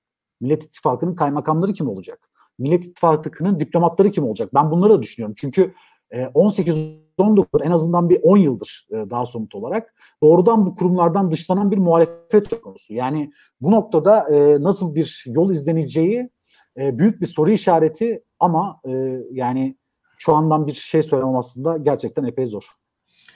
Ben de birkaç e, kelimeyle katkıda bulunayım. Bir defa bu hafta e, bu bağlamda değerlendirilebilecek bir şey yaşadık. E, biliyorsunuz e, Levent Gültekin bir saldırıya uğradı. Bu saldırı da tek başına bir saldırı olsaydı bir istisna, anlık bir öfke patlaması vesaire diyebilirdik. Ancak bu saldırılar neredeyse 2-3 yıldır süren ve giderek dozu artan, sıklığı da artan e, e, sokak şiddetinin, siyasal sokak şiddetinin bir e, artan bir halkası yani devam eden zincirin bir halkası şeklinde söylenebilecek şeyler. Bu sokak şiddetini biz e, İyi Parti'nin kuruluş aşamasında görmüştük. Mesela bugün e, İyi Parti'ye muhalif olan e, Ümit Özdağ ciddi bir saldırıya uğramıştı. E, e, Özcan Yeniçeri ciddi bir saldırıya uğramıştı. İyi Parti'ye yakın gazeteciler sırayla ciddi saldırılara uğradılar. E, Yeni Çağ yazarlarından saldırıya uğramayan kalmadı neredeyse bakarsanız. Kemal Kılıçdaroğlu Çubuk'ta bir linç girişimi atlattı. E, bu süreçte Levent Gültekin gibi Cumhuriyet Halk Partisi'ne çok yakın bir kanalda çok önemli program yapan birisine insanların gözü önünde şehrin ortasında bir saldırıda bulunuldu. Hmm. Meral Akşener'in evinin önünde toplandılar. Neredeyse evine doğru bir tacizimsi bir saldırı yaşandı. Zaten Akşener'e karşı kullanılan dilden bugün Sayın Akşener bahsetti. Bugün gündem gündemde oldu. Normal hani anormal bir dil. Ee, bu süreçte açıkçası biz e, şiddetin siyasetin bir parçası olduğunu hatta bir de tersinden gidelim. E, generallere bir laf söylediği için Akit Gazetesi'nin e, bir Ankara temsilcisi de haber müdürü galiba saldırıya uğradı. Hı hı. E, yani siyaset ile şiddet arasında artan e, ve sıklaşan bir ilişki görmeye başladık. Bir defa e, şu an bu hükümetin Türkiye'yi soktuğu en kötü e, ne diyelim çukurlardan bir tanesi de bu yeterince üstünde biz de durmuyoruz. Daha ziyade e, atıyorum İyi Parti ile MHP arasında olan bir şeylere zaten onların iç meselesi deniyor. Ki zaten biraz Türkiye'deki demokrat kamuoyu da liberal kamuoyu da bu açıdan zayıf ve açıkçası hakkaniyetsiz bence. Çünkü MHP'nin kongre sürecinde yaşananlar Türkiye'deki en antidemokratik şeylerden birkaçıydı. Ve Türkiye'deki bence yani liberal sol kamuoyu farklı farklı taraflarıyla buna yeterince dikkat etmedi. Çünkü böyle bir şeyi mesela tam tersi ben bazen kafada kuruyorum. Yani bir Cumhuriyet Halk Partisi iktidarının Adalet ve Kalkınma Partisi kongresine böyle müdahil olunsaydı neler söylenirdi? Veyahut da başka bir hani bunun benzeri bir müdahalelik olayı başka bir zaman olsaydı neler söylenirdi diye o söylenebileceklerin binde biri söylendi ya da söylenemedi bile. E, o açıdan vahimdir ki şu an artan e, şiddeti görüyoruz. Benim açımdan bu önemli e, ve bu şiddete karşı da birincisi en azından e, seçimlere kadar muhalefetin de artan bir şekilde bu şiddeti gündeme getirmesi, bu şiddeti bir şekilde iktidarın yüzüne vurması iktidarın suratına suratına bunları söylemesi, haykırması gerekiyor açıkçası. Bir defa bu çünkü bu şiddetin adının konması şiddetle mücadelenin birinci e, yoludur bir defa. Yani Türkiye'de mesela askeri vesayet deniyor ya. Bu askeri vesayetle mücadele askeri vesayete adı konularak başlamıştır. Bir defa adını koyacaksınız. Hani benim gördüğüm kadarıyla genelde hani her zaman işlemez ama yani kimin adından bahsedilemiyorsa güç ondadır. Yani birinin bir ara Türkiye cemaatinin adı anılamıyordu yani açıkçası Fethullah İşte şeydi. Ben hatırlıyorum. Emniyet içerisindeki özerk yapı dendiğini hatırlıyorum mesela 10 yıl önce falan tartışmalarda. Yani şimdi bu çok komik yani. yani. Emniyet herkes biliyor ne olduğunu. Yani emniyet içindeki özerk yapı böyle bir tabir ben duydum. Yani bayağı ciddi insanlar emniyet içindeki özerk yapı diye televizyona tartışıyorlar. Hani adını da anmıyorlar. Şimdi adını anmak zaten sorunu çözmenin hemen hemen çoğunluğu oluyor. Ki hatta birazcık daha ileri gideyim. E, cemaatin en şekilde kendi kendini faş ettiği bir an vardır mesela. Emniyet müdürlerini falan seçimde bağımsız aday gösterdi. O an zaten kendisini kendisi olduğunu ifşa etmiş oldu. Kendisini ifşa ettiği anda da zaten kaybetti birçok şeyi. Yani orada kendini ifşa ettiği anda zaten sorun da hani kendisi de yok oluyor. Biraz da burada şöyle bir şey bu sorunun adını koymak lazım. Bu sorunu konuşmak lazım. Muhalif aktörlerin bunları açık açık söylemeleri lazım. Yani bu, bu, bu zaten e, hani şöyle söyleyeyim tamam mücadele edelim dayanışalım vesaire hepsi güzel hani adını koyalım söyleyelim ortada sorun var diyelim hani bu, bu e, seçime giden süreçte bunun e, herkes için faydalı olacağını düşünüyorum. Ee, ben e, burada şunu eklemek isterim İlkan'ın söylediklerine vurgu yapmak için. Türkiye'de e, hakikaten herkesin kabilesi var. Yani e, biz işte liberal sol yani liberaller ve solcuların e, etkileşim var. Mesela Twitter'da hep birbirleriyle kavga ediyorlar çünkü başkalarıyla konuşmuyorlar. Mesela liberaller, sos- sosyalistler kavga eder ya böyle klasik. Linçlerler birbirlerini filan. Halbuki yani Türk sağında e, çok başka hikayeler dönüyor. Yani dediğim gibi mesela KYK meselesinde aslında KYK'ların çok az bir kısmı solcu. E, ama sanki KYK'ların tamamı solcuymuş gibi e, aktarılıyor. Mesela dış e, basında ben ta- takip ediyorum veya akademik çevrelerde. E, çünkü neden işte sol liberal tayfa kendi perspektifinden bakıyor, bütünü görmüyor. Biraz bu eksikliğimiz var. Mesela e, yani Levent Gültekin, yani şiddet veya acı yarıştırılamaz kesinlikle. Levent Gültekin'e yapılan e, bir linç girişimidir artık. Çünkü orada ben cana kasıt var. Yani 20 kişiye bir kişi. E, yani çok daha ciddi sonuçları olabilirdi. Zaten e, çok elim ve üzücü bir haber. Buradan da geçmiş olsun dilek, dileklerimizi sunalım. E, ama mesela işte yeni çağ gazetecilerin adlarını bilmiyoruz. Normalde yani böyle bir olay yaşayan kişi kamuoyunda konuşuldukça isimleri aklımızda kalır. Biz unutuyoruz. Yani ki biz siyasetle ilgili insanlarız. İlkan'ın kesin aklına kalmıştır da. Yani genel olarak burada sorsak bizim izleyicilerimize şu an ben %50'ye geçmeyeceğini düşünüyorum. İşte Yavuz Selim Demiray gibi isimleri hatırlayabilecek e, kişileri. Mesela kadın cinayetlerini düşünün böyle olmuyor. Özge Can'ı mesela herkes hatırlıyor. Çünkü neden? Herkes e, aynı şekilde e, gür bir şekilde sesi çıkabiliyor. Bu kadın meselesi ve mesela hayvan hakları gibi konularda da böyle bir e, ortak bir şekilde bir araya gelebilme, bir sivil toplum belirtisi gösterebilme hali var. Bunun bence e, siyasi olarak da yapılabilmesi gerekiyor. Yani şiddet eylemi şiddet eylemidir. Bu ha iyi Partili olmuş, ha CHP'li olmuş, ha işte liberal veya sosyalist falan bir aydın olmuş fark etmez yani. E, ben buradan şeye Onur sana bir soru sorayım. Şimdi dedik ya işte e, Türkiye'de hala kabilelerin etkisi sürüyor. Türkiye darbe ihtilal tarihinde bile bu var işte 9 Martçılar var 12 Martçılar var işte. Sen bunun e, devamlılığını nasıl görüyorsun Türkiye'de? Hem e, yani TSK veya diğer e, kurumlar üzerinden bakabilirsin, siyasal partiler üzerinden bakabilirsin veya aydınlar çünkü 9 Mart 12 Mart meselesinde aydınların da açıktan bir etkisi var. O ilişkiden de bahsedebilirsin. Günümüze bağlayabilirsin. Top senin. Tamam. Yani şimdi önce e, şeyi bir söyleyeyim. E, burada az önce de e, not almıştım, unuttum. bu Millet İttifakı'nın tek parti olarak ya yani tek e, adayla tek parti olarak e, tek adayla e, şeye girmesi, e, seçime girmesi olayı e, bence de e, çok önemli ilk tur açısından.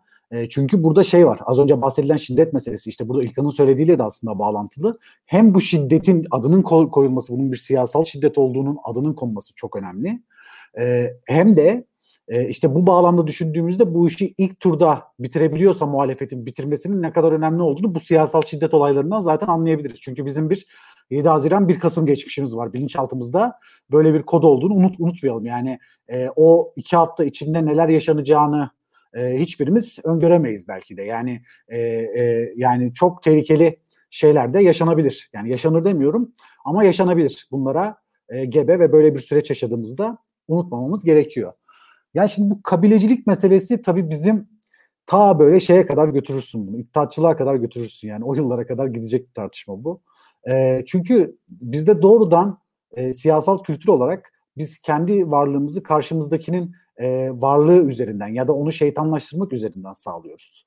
Yani e, karşımızdakini bir özne, bir aktör ya da en az bizim kadar saygın olarak algılamıyoruz biz maalesef. E, karşımızdakini şeytanlaştırmanın e, ve bunu e, özellikle de Cumhuriyet'in kurulmasından sonra e, ya da işte çok partili hayata geçişten sonra kültür kampları üzerinden bunu yapmak daha kolay oldu tabii. E, bu noktalardan yaparak, bu noktalardan kaşıyarak işte az önce nasıl tembel milliyetçilik dedim. Bu da aslında tembel tembel siyaset yapmanın bir yolu. Yani e, kapsayıcı e, olmaktan ziyade ya da e, ne, ne diyeyim buna e, vaatleri yarıştırmaktan ziyade tabii ki o da yapılıyor bir noktada ama daha ziyade önce ben belli bir taban oturayım. Yani nasıl bir tabana oturabilirim ben? İşte toplumu kültür kampları üzerinden bir bölerim. E, kendi değerlerimi paylaşanlarla bir taban oluştururum. Onun üzerinden e, kendime katabileceğim hani Amerika'daki swing states'ler gibi hani böyle swing seçme, seçmenler diyelim. Onlar üzerinden e, böyle şey yapayım. Yani e, onları ikna etmeye çalışayım. E, ama öncelikle bir kendi tabanımı bu toplumsal bölünmeler üzerinden yaratayım gibi bir düşünce var e, genel hatlarıyla baktığımızda. E, Şimdi ben bu aydınlar işte meselesi işte Doğan Avcıoğlu'nun tanımıyla hatta zinde kuvvetler diyelim buna. E, bu meselenin e, ben en son 90'larda ya da işte 2007'ye kadar bir karşılık bulduğunu düşünüyorum. E, ama tabii bu 60'larda ya da 70'lerde e, bu grup yani Doğan Avcıoğlu'nun zinde kuvvetler olarak adlandırılıyor. İşte bunu açalım. İşte bürokratlar, askerler, e, işte e, bunun haricinde toplumun entelektüelleri, mülkiyeliler ve benzeri doktorlar. E, bu gruplar yani aslında toplumun okumuş etmiş kısmı ki burada biliyorsunuz Atilla İlhan'ın da her romanında entelektüel olarak bir mutlaka idealist yüzbaşı vardır. Aslında bu e, ta Osmanlı'dan gelen bir gelenektir. Yani orada okumuş etmiş olarak e, yani yüksek eğitim şansı sadece onların olduğu için bir tek askerler olmasından kaynaklı olarak aslında onun bir uzantısı olarak Cumhuriyet'e yansımıştır. Ama tabii aslında 60'lara 70'lere gelindiğinde toplumda entelektüel tartışmalar çok daha başka bir yere gitti ki zaten oradan sokak çatışmaları doğdu. Aslında çok da öyle olmadığını gördük o meselelerin. Bunun 90'lar e, ve 2000'lerdeki karşı, e, karşılığı şey oldu. Yani aynı zinde kuvvetler aslında bakıldığında çok da zinde kuvvetler olarak kodlanmayıp ve bazen spontane tepkiler e, vererek rejimi koruma dürtüsüyle hareket etmeye başladılar. Yani o 60'ların 70'lerin zinde kuvvetleri 90'lara ve 2000'lere gelindiğinde işte bu Mümtaz Soysal mesela çok iyi bir örneğidir bunun. rejimi koruma kaygısıyla hareket ederek aslında bu mesele üzerinden bir Aydınlar İttifakı ortaya çıkarttıklarını söyleyebiliriz. Ama ben günümüze gel gelirsek eğer yani bugüne gelindiğinde en önemli meselelerden biri geçen yayınlanan o başörtüsü anketiydi bence. Yani orada Cumhuriyet Halk Partililerin %90'lar oranında kamusal e, alanda e, kamu hizmeti verirken insanların çünkü biliyorsunuz bu bunu ben şeyden önemsiyorum. Yani daha öncesinde bunu kendi ailemden de gördüğüm için söylüyorum. Hani e, tabii ki kadınların başörtüsüne hiçbir şey demiyoruz ama e, işte e, hizmet alırken taksınlar hizmet verirken takmasın. Yani ne diyorsunuz yani öyle saçmalık mı olur yani? Hani bunun bu noktaya gelmiş olması çok sevindirici. Ve e, ben burada bu arada şeyin de e, kendi gözlemimle e, bir şeyi söylüyorum etrafıma. Burada FETÖ yurtlarının kapatılmasının çok büyük etkisi var. Buna emin olun. Yani başörtülü insanlarla başörtüsüz insanlar arasında diyaloğun bu kadar gelişmesinde FETÖ yurtlarının kapatılmasının çok büyük katkısı var. Yani şunu gördüler. E, mecburen FETÖ yurtları kapatılınca örneğin Anadolu'ya, e, Taşra'ya gitmiş e, e, e, kız çocukları, kadın öğrenciler e, orada e, başka yurtlarda kalmak e, zorunda kalınca ya da işte eve çıkınca ve orada e, işte ev arkadaşı olarak ya da yurt arkadaşı olarak başı açık insanların şeytan olmadığını görünce ve bu yolda bir onlara propaganda yapılma imkanı da ortadan kalkınca FETÖ yurtları kapatılınca o diyalog imkanları gelişti. Ve bu çok önemli. Bu bu ülkenin belki de Adalet ve Kalkınma Partisi yıllarında başına gelmiş en iyi şey. Çünkü bunu Cumhuriyet Halk Partisi yapamazdı. Çünkü Cumhuriyet Halk Partisi bunu yaptığı anda nasıl bir kıyamet kopacağını hepimiz çok iyi biliyoruz. Yani CHP'nin ne din düşmanlığı kalırdı, e, işte ne toplumun hassasiyetlerine karşı duyarlı olmaması kalırdı. Bir dünya e, buradan e, mesele çıkardı. Bu yüzden bu toplumsal diyaloğun en azından bu bağlamda gelişmesi, e, işte e, birçok eylemde e, başörtülü kadınlarla e, işte başı açık kadınları e, kol kola yan yana omuz omuza görebiliyoruz. E, bunun yanında sadece onlar da değil bugün ittifak durumlarını düşündüğümüzde herkes e, bir demokrasi arayışı çerçevesi içinde yani Gelecek Partisi, işte Deva Partisi e, gibi partilerin işte Cumhuriyet Halk Partisi, İyi Parti ile e, bir anayasal demokrasi yani herkesin en azından bir kanuna tabi olduğu e, bir düzen için, bir parlamenterizm için bir araya gelebiliyorsa bence gelecekte e, bu toplumsal kırılmaları, toplumsal fay hatlarını e, kullanmak o kadar da basit olmayacak. Çünkü bizim başımıza e, bu meseleden bir bela geldi. Biz bunu gördük. Yani daha öncesinde hep böyle bir ordu vardı. Hani herkes dönüp de oraya bakardı. Aslında bence orduyu biraz da böyle değerlendirmek lazım. Yani 28 Şubat'ta evet ordunun e, bir tabii ki siyaset üzerine müdahalesi var ama ordunun bunun öncesinde neredeyse bir sene göreve çağrılması var. Basın tarafından, entelektüeller tarafından, üniversiteler tarafından, aklınıza gelebilecek her aktör tarafından ordu göreve davet ediliyor zaten. Yani aslında ordu neredeyse bir sonuç olarak ortaya çıkıyor bunda. Şimdi bu denklem ortadan kalktıktan sonra aslında bizim başımıza bunun gelmesi, bu sürecin gelmesi bir yerde de iyi oldu. Yani eğer ki tabii bu süreçten çıkabilirsek. Çünkü biz e, boş hamaset işinin, birbirimizi kültür kampları üzerinden şeytanlaştırma işinin günün sonunda hepimize zarar verdiğini gördük. Bu KYK'lar süreci mesela bunun iyi bir örneğiydi. Ya da e, bugün hala yaşadığımız süreç bunun iyi bir örneği. Hepimiz bedel ödüyoruz. Ve bunu e, bağlı bulunduğumuz kültür kamplarından, e, kendi gettolarımızdan çok da e, e, bağımsız olarak yaşamamız bu anlamda belki de hepimiz düşünmeye sevk etti. E, ve bu e, son derece önemli bir mesele olarak e, düşündüğüm bir doğrultu. İlkan Eklemek istediğin var mı? Sesin kapalı. Ee, şöyle Onur, e, bu TSK meselesinde işin hani birazcık daha o tarafına gelirsek e, TSK meselesine dair e, bilgimiz yetersiz. Yani birazcık şöyle bir şey var. Hani önce adını koyacağız, arkasından e, o adı koyduktan sonra hadisenin bilgi sonradan gelecek e, henüz bilgimiz yetersiz diye düşünüyorum. Türkiye şartlarında e, iktidar dönüşümü aslında şu da demek bir yandan. Yani birazcık daha geniş alırsam ben yani demokrasi öncesinde aslında e, totalde mesela krallıklarda falan e, to, yani iktidar dönüşümü bir kriz anlamına geliyordu. Yani bizde mesela hani fetret devri deniyor. Yani fetret devri esasında o onun kuralı o. o iktidar dönüşümünü siz yapamıyorsunuz. O fetret devrinin olmaması işi demokrasi yani bir yandan da.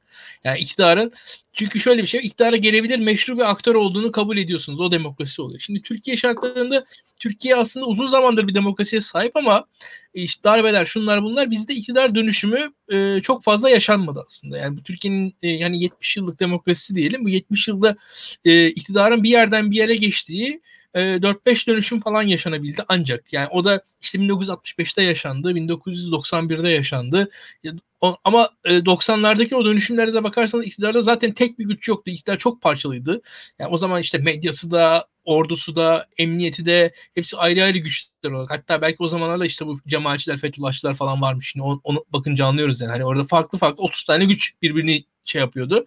Eee ya o zaman da gerçek iktidar dönüşümü yaşanmadı. Şu an Türkiye'nin e, demokrasisi için belki de atlanması gereken bir e, eşik var önümüzde. Yani e, burada biz hani, bunun zaten hani e, işte Onur Alp Bey çok daha iyi bilir. Yani bu demokrasinin belli bir standarda gelmesi için sizin yani sandığın olması lazım, serbest seçimlerin olması lazım, işte seçme seçilme hakkı, erişilebilirlik vesaire bunların hepsinin olması lazım, propaganda hürriyeti falan. Ama onun arkasından da bunun düştüğünü ispatı için iktidarın alan partiden bir başka partiye geçmesi sonra tekrar gelmesi falan Bunların da olması gerekiyor. Türkiye'de henüz birkaç e, o yüzden bizim daha demokrasimiz sağlamasını yapamadı diyebiliriz. Ben e, biraz öyle görüyorum. Yani Türk demokrasisi sağlamasını yapamadı henüz.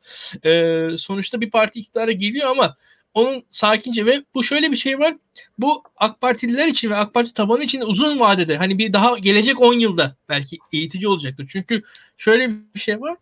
Ben şunu da biliyorum. AK Parti tabanı da şöyle gözüküyor. AK Parti iktidarı mesela bir defa giderse bir daha gelmez. Yani bizi mahvederler. Ölürüz. İktidardan gitmemiz bir yıkım olur. Yani hatta e, burada biz konuşuyoruz ya işte sağ ittifak vesaire. Neden sağ ittifak e, tartışmaları da mesela ben pek sağ ittifak konusunda prim vermiyorum kendi adıma. Şundan dolayı yani AK Parti seçmeni sağ ittifaka oy verse de neticesi şu sistemde aynı olacak.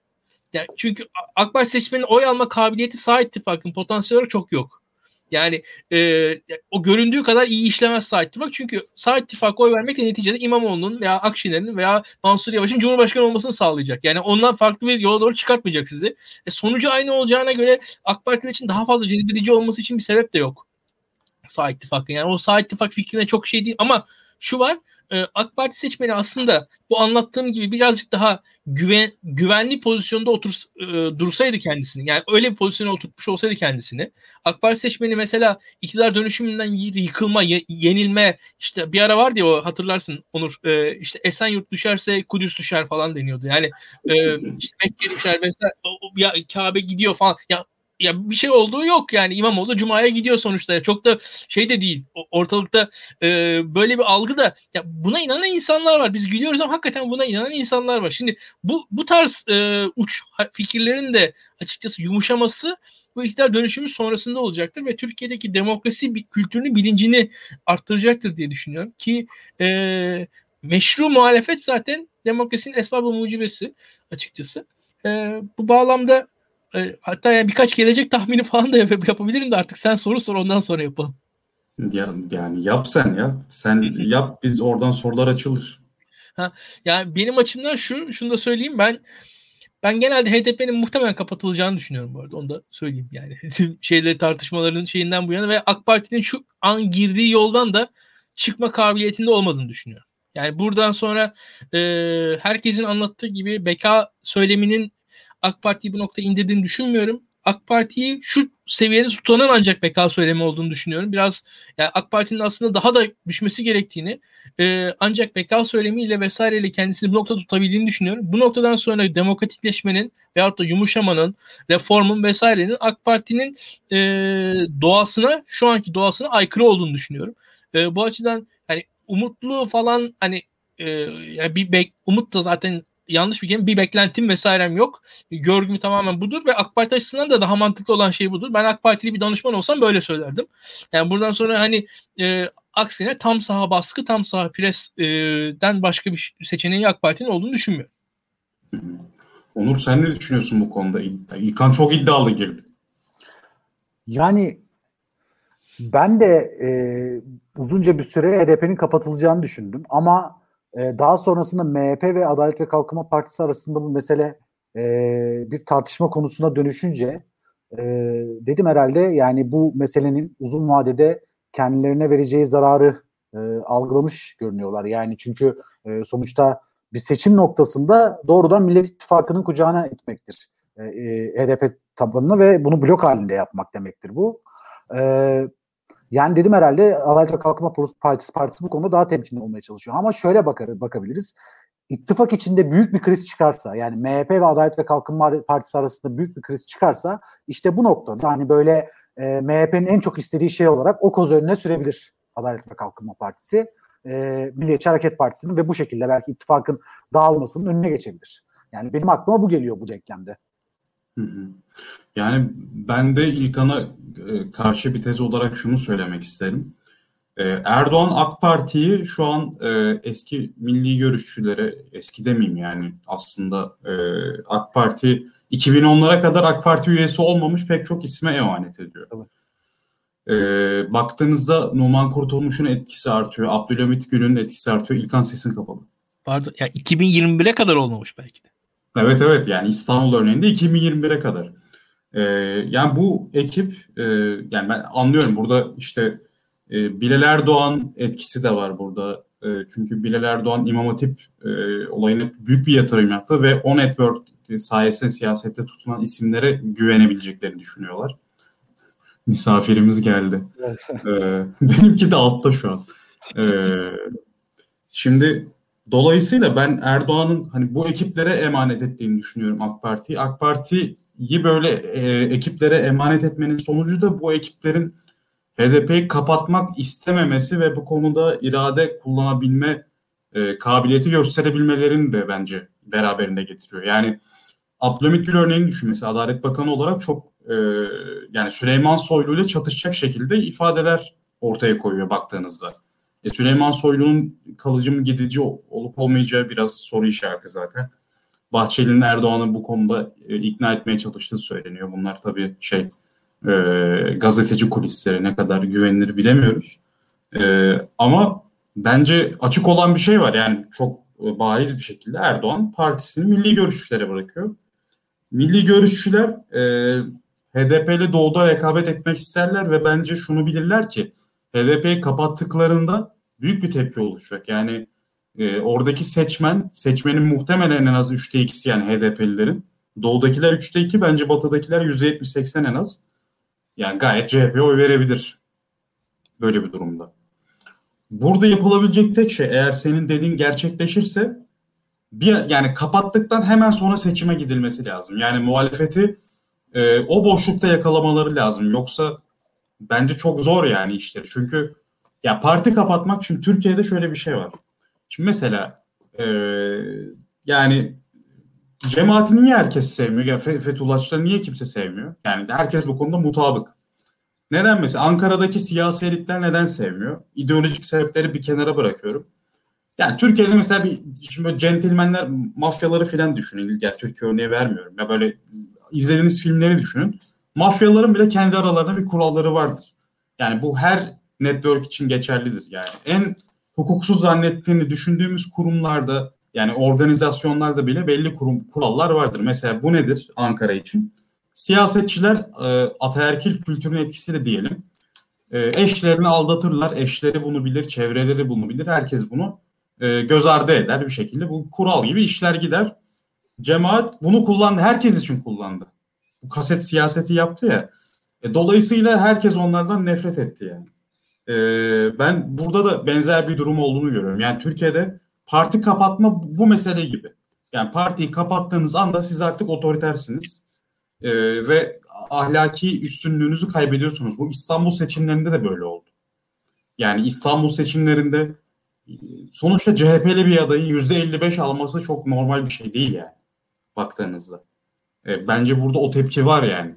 E, ben AK Parti'nin ama AK Parti'den bahsediyorum burada. AK Parti'nin bunu yapmak isteyeceğini düşünmüyorum. Fakat yani Bahçeli, Soylu veya Erdoğan'ın çevresindeki saray ekibi partiden bahsetmiyorum. E, TSK bunlar ne der? Bunlar ne yapmak ister? Açıkçası bilmiyorum. Yani e, eğer güç dengesi AK Parti'yi elimine ederse partiyi yani çünkü sadece AK Parti'den ibaret değil iktidar. O zaman bu gerçekleşebilir. Ama Erdoğan gerçekten e, partisine güveniyorsa, partisinin Bahçeli'ye ve MHP ya da diğer aktörlere karşı güçlenmesini istiyorsa e, parti elitlerinin söyledikleri bence bir şekilde Erdoğan'ı ikna eder, sistemi ikna eder diye düşünüyorum. Ama hakikaten sürprizlere gebe yani. Ben yarı yarıya ihtimal veriyorum bu konuda. Açıkçası şaşırmam yani kapatılsa da. Ee, ben daha da iddialı konuşayım açıkçası. Konuş. Konuş bakalım. Bir defa e, bu konuda enteresan şekilde iddialıyım. İddialı olmak da içimden geliyor nedense. E, şöyle söyleyeyim. E, benim gördüğüm kadarıyla dediğin doğru. Yani e, Bilal Erdoğan mesela bizim Twitter'da falan komedi figürü ama alakası yok. Yani açıkçası real olarak AK Parti örgütlenmesinde etkin. Tayyip Erdoğan ailesi farklı farklı açılardan farklı farklı yerlerde etkin. Açık bu bu net gözüküyor. Yani Bilal Erdoğan şu an e, işte bir imam hatipli bir yere atanmışsa muhtemelen o bir WhatsApp grubunda vesairede Bilal Erdoğan'ın referansıyla atanmıştır diye tahmin ediyoruz. Öyle söyleyeyim. Hatta yani bugün e, mesela Boğaziçi rektörünün bile referansının Bilal Erdoğan olduğu söyleniyor. Yani şu an atan Melih Bulduları falan. Yani burada e, enteresan figürlerin atamalarını falan o Bilal Erdoğan network'ü, o şey var. O imam hatiplerle bir şekilde temas edenler bir yerlere geliyor veya imam hatipler geliyor. Öyle bir şey var. Ama bu ama bu şu demek değil. Yani bir açıdan şöyleydi. Mesela Berat Albayrak Network'ü dışarıdan daha seküler gözüküyor ve daha sert gözüküyor. Bu pelikancılar vesaire daha e, saldırgan insanlar ama mesela Berat Albayrak Network'ün içerisinde yani şeyler bile vardı. İbdacı kökenliler de vardı mesela. Yani o, o network'ün içerisinde de açıkçası e, radikal İslamcı Berat Albayrak network'ünde de vardı. Yani şeyin içerisinde İmam Hatipli daha ziyade Bilal Erdoğan network'ünde olduğu için hani Berat Albayrak network'ü hani daha birkaç seküleri barındırdığı için onu öyle şey yapmamak lazım. Yani veyahut da şunu söyleyeyim mesela Rıdvan Dilmen de mesela Bilal Erdoğan network'üne daha yakın sayılabilir. Ama mesela o da seküler bir insan bir yandan. Yani şey de değil. Ya Rıdvan Dilmen de mesela Turkaz grubuna tavır almıştı hatırlayın. Yani şu an mesela bir yorumculuğu bırakmak durumunda kaldı. E, o bile şey diye oradan bir tavır almış. Neyse konuya döneyim ben.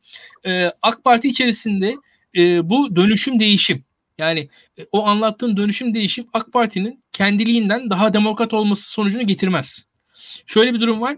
E, burada milli görüş kökenliler en fazla daha pragmatik davranabilirler. Daha demokrat davranma iddiaları olduğunu düşünmüyorum ve şöyle bir durum var.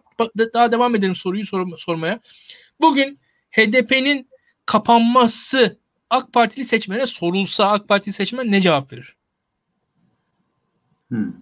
Yani bugün bakın hatta Partili devam edeyim. seçmen bence onaylar açıkçası çünkü duygusal evet, işte mesela. Onaylar. Yani devam belki %70-80 çıkar yani. Tabii tabii. Ya bugün Bülent Arınç Cumhurbaşkanlığı. İstişare Kurulu'ndan tam adını yanlış hatırlamış olabilirim ama o istişare okay. kuruluna meclis başkanlarının e, bulunduğu kuruldan istifa etti. Ayrılmak durumunda kaldı. Hatırlarsınız bu reform tartışmaları hmm. sırasında. Bülent Arınç'ın ayrılmasını kutlayanlar MHP'liler falan değillerdi.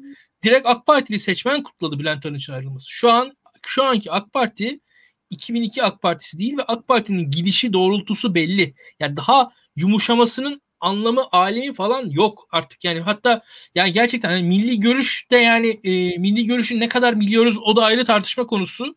Ve şu var milli görüşe dair bazı e, sol liberal entelektüellerin bazı hayalleri vardı. Onlar milli görüş o hayallerdeki milli görüş değil zaten.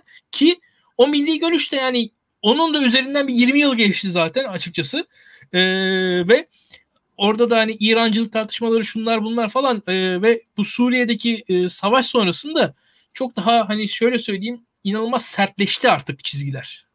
Yani daha sert için içine kan girdi bazı yerlerde. Yani bu bu e, farklı bir ideolojik formasyon oturmuş durumda. Bugün yani e, ben şöyle söyleyeyim. Bugün Türkiye e, Yemen'de açıkçası Husilerle çatış ya çatışmaya girsin deseler kim hayır der Türkiye'de?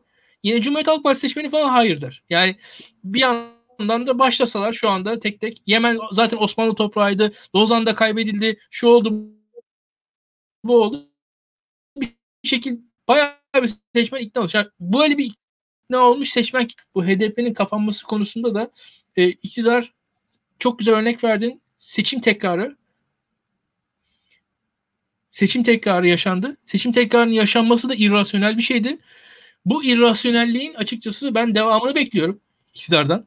İktidardan öyle çok rasyonel bir şey beklemiyorum. Ve seçim tekrarı da şöyle bir şey var. İktidar kendi geçmişinde şunu gördü. Ben seçimi tekrar ettirdim ve kazandım dedi. Yani Haziran, Kasım seçimleri, ha, genel seçimleri tekrar ettirdim. Yani iktidarın geçmişinde bu da var. Ve şöyle bir şey var. İktidar da şunu diyecek. Ben bastırdım ve kazandım. Yani hani geçmişinde bu var. Ee, bu açıdan iktidarın hata yapamaz olduğunu düşünmüyorum. İktidarın şöyle bir durum var. Bakalım. Kaba gücü yüksek Kaba gücü yüksek. Her şeyi yapabilir. Pervasız. Ama e, ama orada şöyle bir şey var yani bu iktidarın öyle çok da e, bir mastermind şeklinde bir zekasının olduğunu düşünmüyorum açıkçası.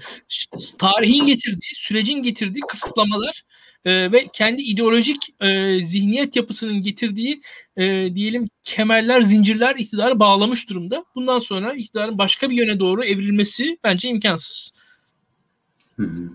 Ama burada mesela şimdi e, bir önceki örnekte tekrarlattı kazandı. Bu defa da şeyi düşünemez mi? Yani e, ben e, tekrarlattım kaybettim. E şimdi ben nasıl kaybettim? HDP'lilerin oyuyla kaybettim. Bu denklemde HDP'yi kapatırsam eğer ki e, bu seçmeni iyice öbür kanada itmiş olurum gibi bir düşünce yapısına bürünemez mi acaba AK Parti? Ben Bunda... Tekrar mesela iktidar açısından düşüneyim. Tamam. AK Parti'nin e, Güneydoğu Anadolu'daki en düşük oyu çözüm süreci sonrasında aldığı oydu. HDP meşrulaştıkça ben daha düşük oy alıyorum diye AK Parti de onu görmüş olabilir. Ee, yani Haziran seçimlerinde AK Parti Diyarbakır'da çok düşük oylar aldı. Ee, ve e, fakat bastırarak, baskıyla bir şekilde ordu, işte korucular, şunlar bunlar falan Doğu Anadolu'daki bir şekilde oylar e, AK Parti'ye doğru akmaya başladı. Son seçimde hatırlayalım e, şey Şırnak Belediyesi'ni AK Parti kazandı. Yani bir şekilde Tayyip Erdoğan da yani baskı ve kayyumlara dair de kendisinin bir kendince bir başarı hikayesi AK Parti'ye yakın gazetelerde anlatılıyor şu anda. Yani burada bizim gördüğümüzle Tayyip Erdoğan'ın gördüğü farklı ve şöyle bir durum var. Yani çok haklısınız ama e, şu anki sistemde mesela en güçlü insan biz hep şey diyoruz. E, iletişim başkanı diyoruz. Ve şundan dolayı güçlü e, çok fazla konuştuğu için, çok fazla sesini duyurduğu için değil. Tayyip Erdoğan'a gelen, gelen bilgiyi yöneten şu an en güçlü insan. Tayyip Erdoğan'a hangi bilginin geldiğini görmemiz lazım. Tayyip Erdoğan'a gelen bilginin kaynakları ne yazık ki çok da rasyonel ve objektif değil.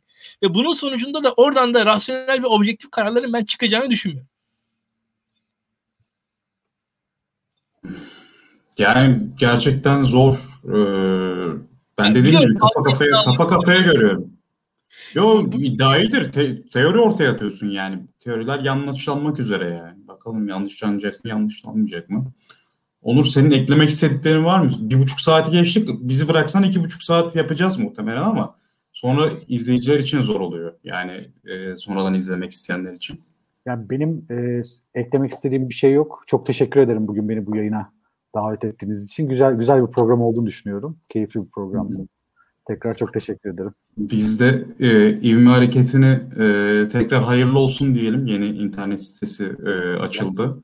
Onur Alp'in yazısı var. E, geçen hafta ağırladığımız, geçen ya da bir önceki hafta Kemal Büyük e, Yüksel'in de yazısı var. E, pek Burak Cop'un röportajı var. Hatırladıklarım bunlar. Tanju Hoca'nın var, Tanju Tosun'un. Tanju Hoca'nın, yani Tanju Hoca'nın var. Mutlaka e, okumanızı, ziyaret etmenizi tavsiye ederiz. E, böyle aslında spekülasyonlara çok açık ama dediğim gibi bir buçuk saatte sınırlayalım mı İlkan? Var mı daha iddiaların böyle çok çok ee... Yine izleyicilere kızacağım açıkçası. Yani hmm. bugün İlmi Hareketi'nin e, YouTube kanalında e, perakende işçilerinin sendikalaşması üzerine bir yayın vardı. Açık konuşayım yayını izleyen 70 kişi vardı.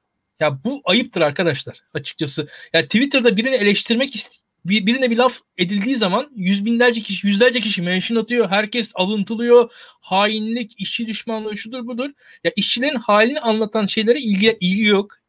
İlgi yok. Ya burada insanlar gidiyorlar sendikalaşma çalışması yapan A101 işçilerinin temsilcisi çıkıyor konuşuyor. Bunu başka yerde de çok, çok kolay bulamazsınız. O yayınları izlemiyor insanlar. Buradan tekrar söylüyorum. Ya bu insanları izlemek gerekiyor. Bu insanlar hakikaten e, sahada sokakta mücadele eden insanlar. Ve şöyle bir durum var.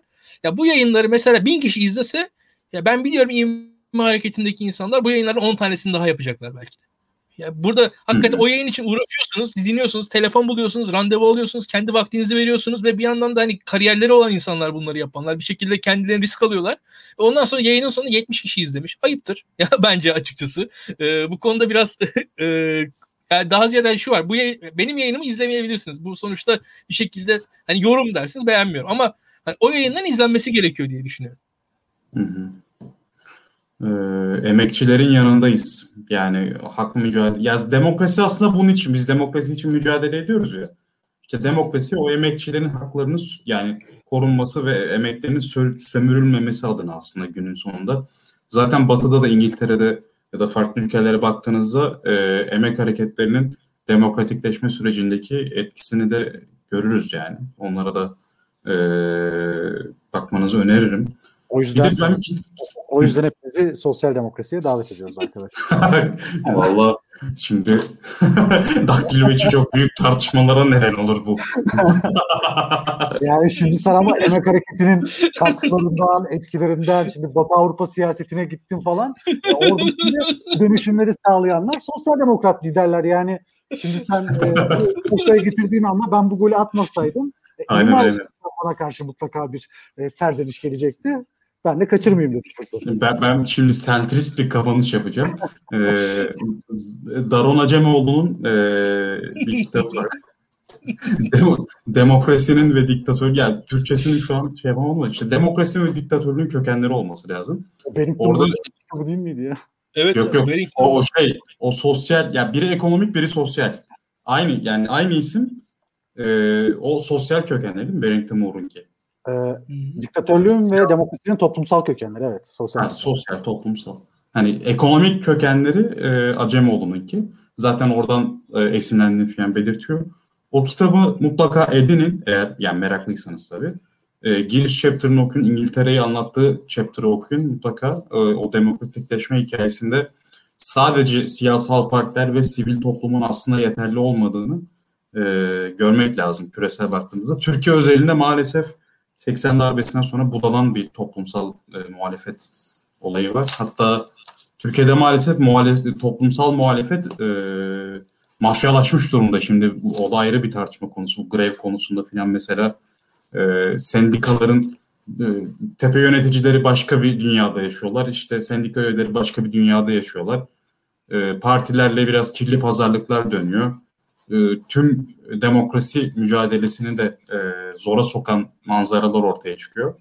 E, Türkiye'de de, Türkiye özelinde ama bu yani genel olarak sadece Türkiye özelinden bakarak işte toplumsal muhalefet bakın böyle zarar veriyor filan bunlar şey argümanlar. E, genellenemez argümanlar. Türkiye özelinde bir sapma var o konuda.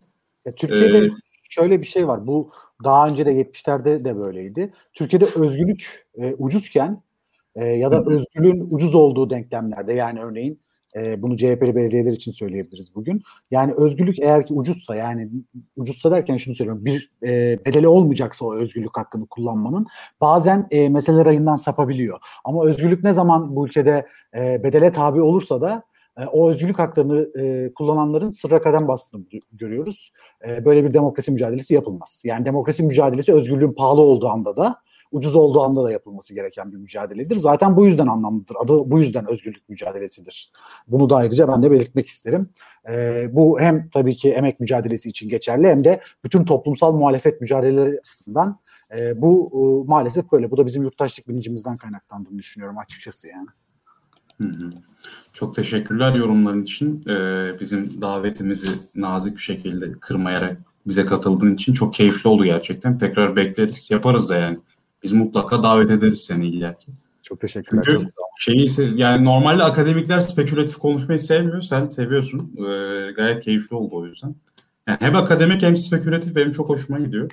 Ee, İlkan da e, akademik kilisesinde değil ama akademik e, donanıma sahip olduğu için o ikisinin e, tadını almak Burak Bilgen Hoca da keza öyle.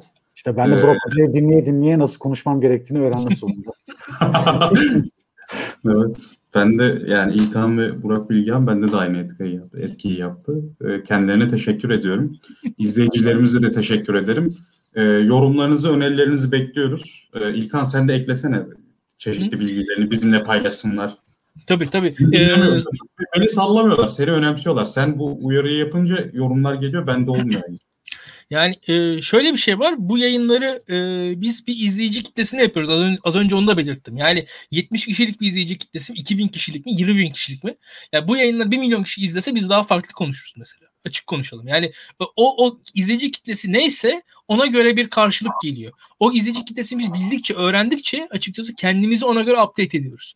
Biz oradaki o kitleyi öğrendikçe daha iyi yayın yaparız. Bu açıdan e, izleyicilerimizden her yayın sonrasında ben bunu özellikle istiyorum. Kaç yaşındalar? Ne iş yapıyorlar? Nerede yaşıyorlar? Bizim için en basit sorular bunlar. Mesela buralardan başlayarak eğer yazabilirlerse 3 tane kelime e, çok basit. Yani yaptıkları iş, yaşadıkları şehir e, ve yaşları bize ciddi şekilde bir ufuk veriyor. Biz burada mesela öğreniyoruz ki işte yurt dışında yaşayan çok fazla izleyicimiz olduğunu öğreniyoruz. İzleyicilerimizin genelde genç olduğunu öğreniyoruz. Arada e, siyasete çok meraklı orta yaşın üzerinde izleyicilerimiz olduğunu öğreniyoruz. Şaşırıyoruz bazen. Bazen kendi fikirlerimiz doğruymuş diyoruz. Bize bize bu açıdan öğretici oluyor. Biz yorumları takip ediyoruz. Mesela doktor izleyicimiz de çok. Bu arada şunu ekleyeyim bizi trollemeyin. İşte savcıyım, devlet memuruyum. İşte AK Parti'nin bir çocuğum var filan. Bunları fark ediyoruz. Fark etmiyor değiliz. Şaka, şaka bir kere güzel yani. Tamam bir kere yapıldı. Bunlar hoşumuza gitti. İkincisi artık tekrar olur, ezber olur. Yaratıcı şeyler bekliyoruz ya da. Yaratıcı yeni trollemeler bekliyoruz. Eskileri yapmayın lütfen. Ee, başka konuşmamızı istediğiniz konuları da mutlaka bize yazın. E, konuk önerilerinizi bekliyoruz. E, ama gerçekçi konuk önerileri olsun bunlar. E, herkes Erol mütercimleri istiyor bu arada. Onu da fark ediyorum. Onu da bakacağız artık. Eğer olursa yapabiliriz belki. E, iyi akşamlar. Kendinize iyi bakın. İyi akşamlar.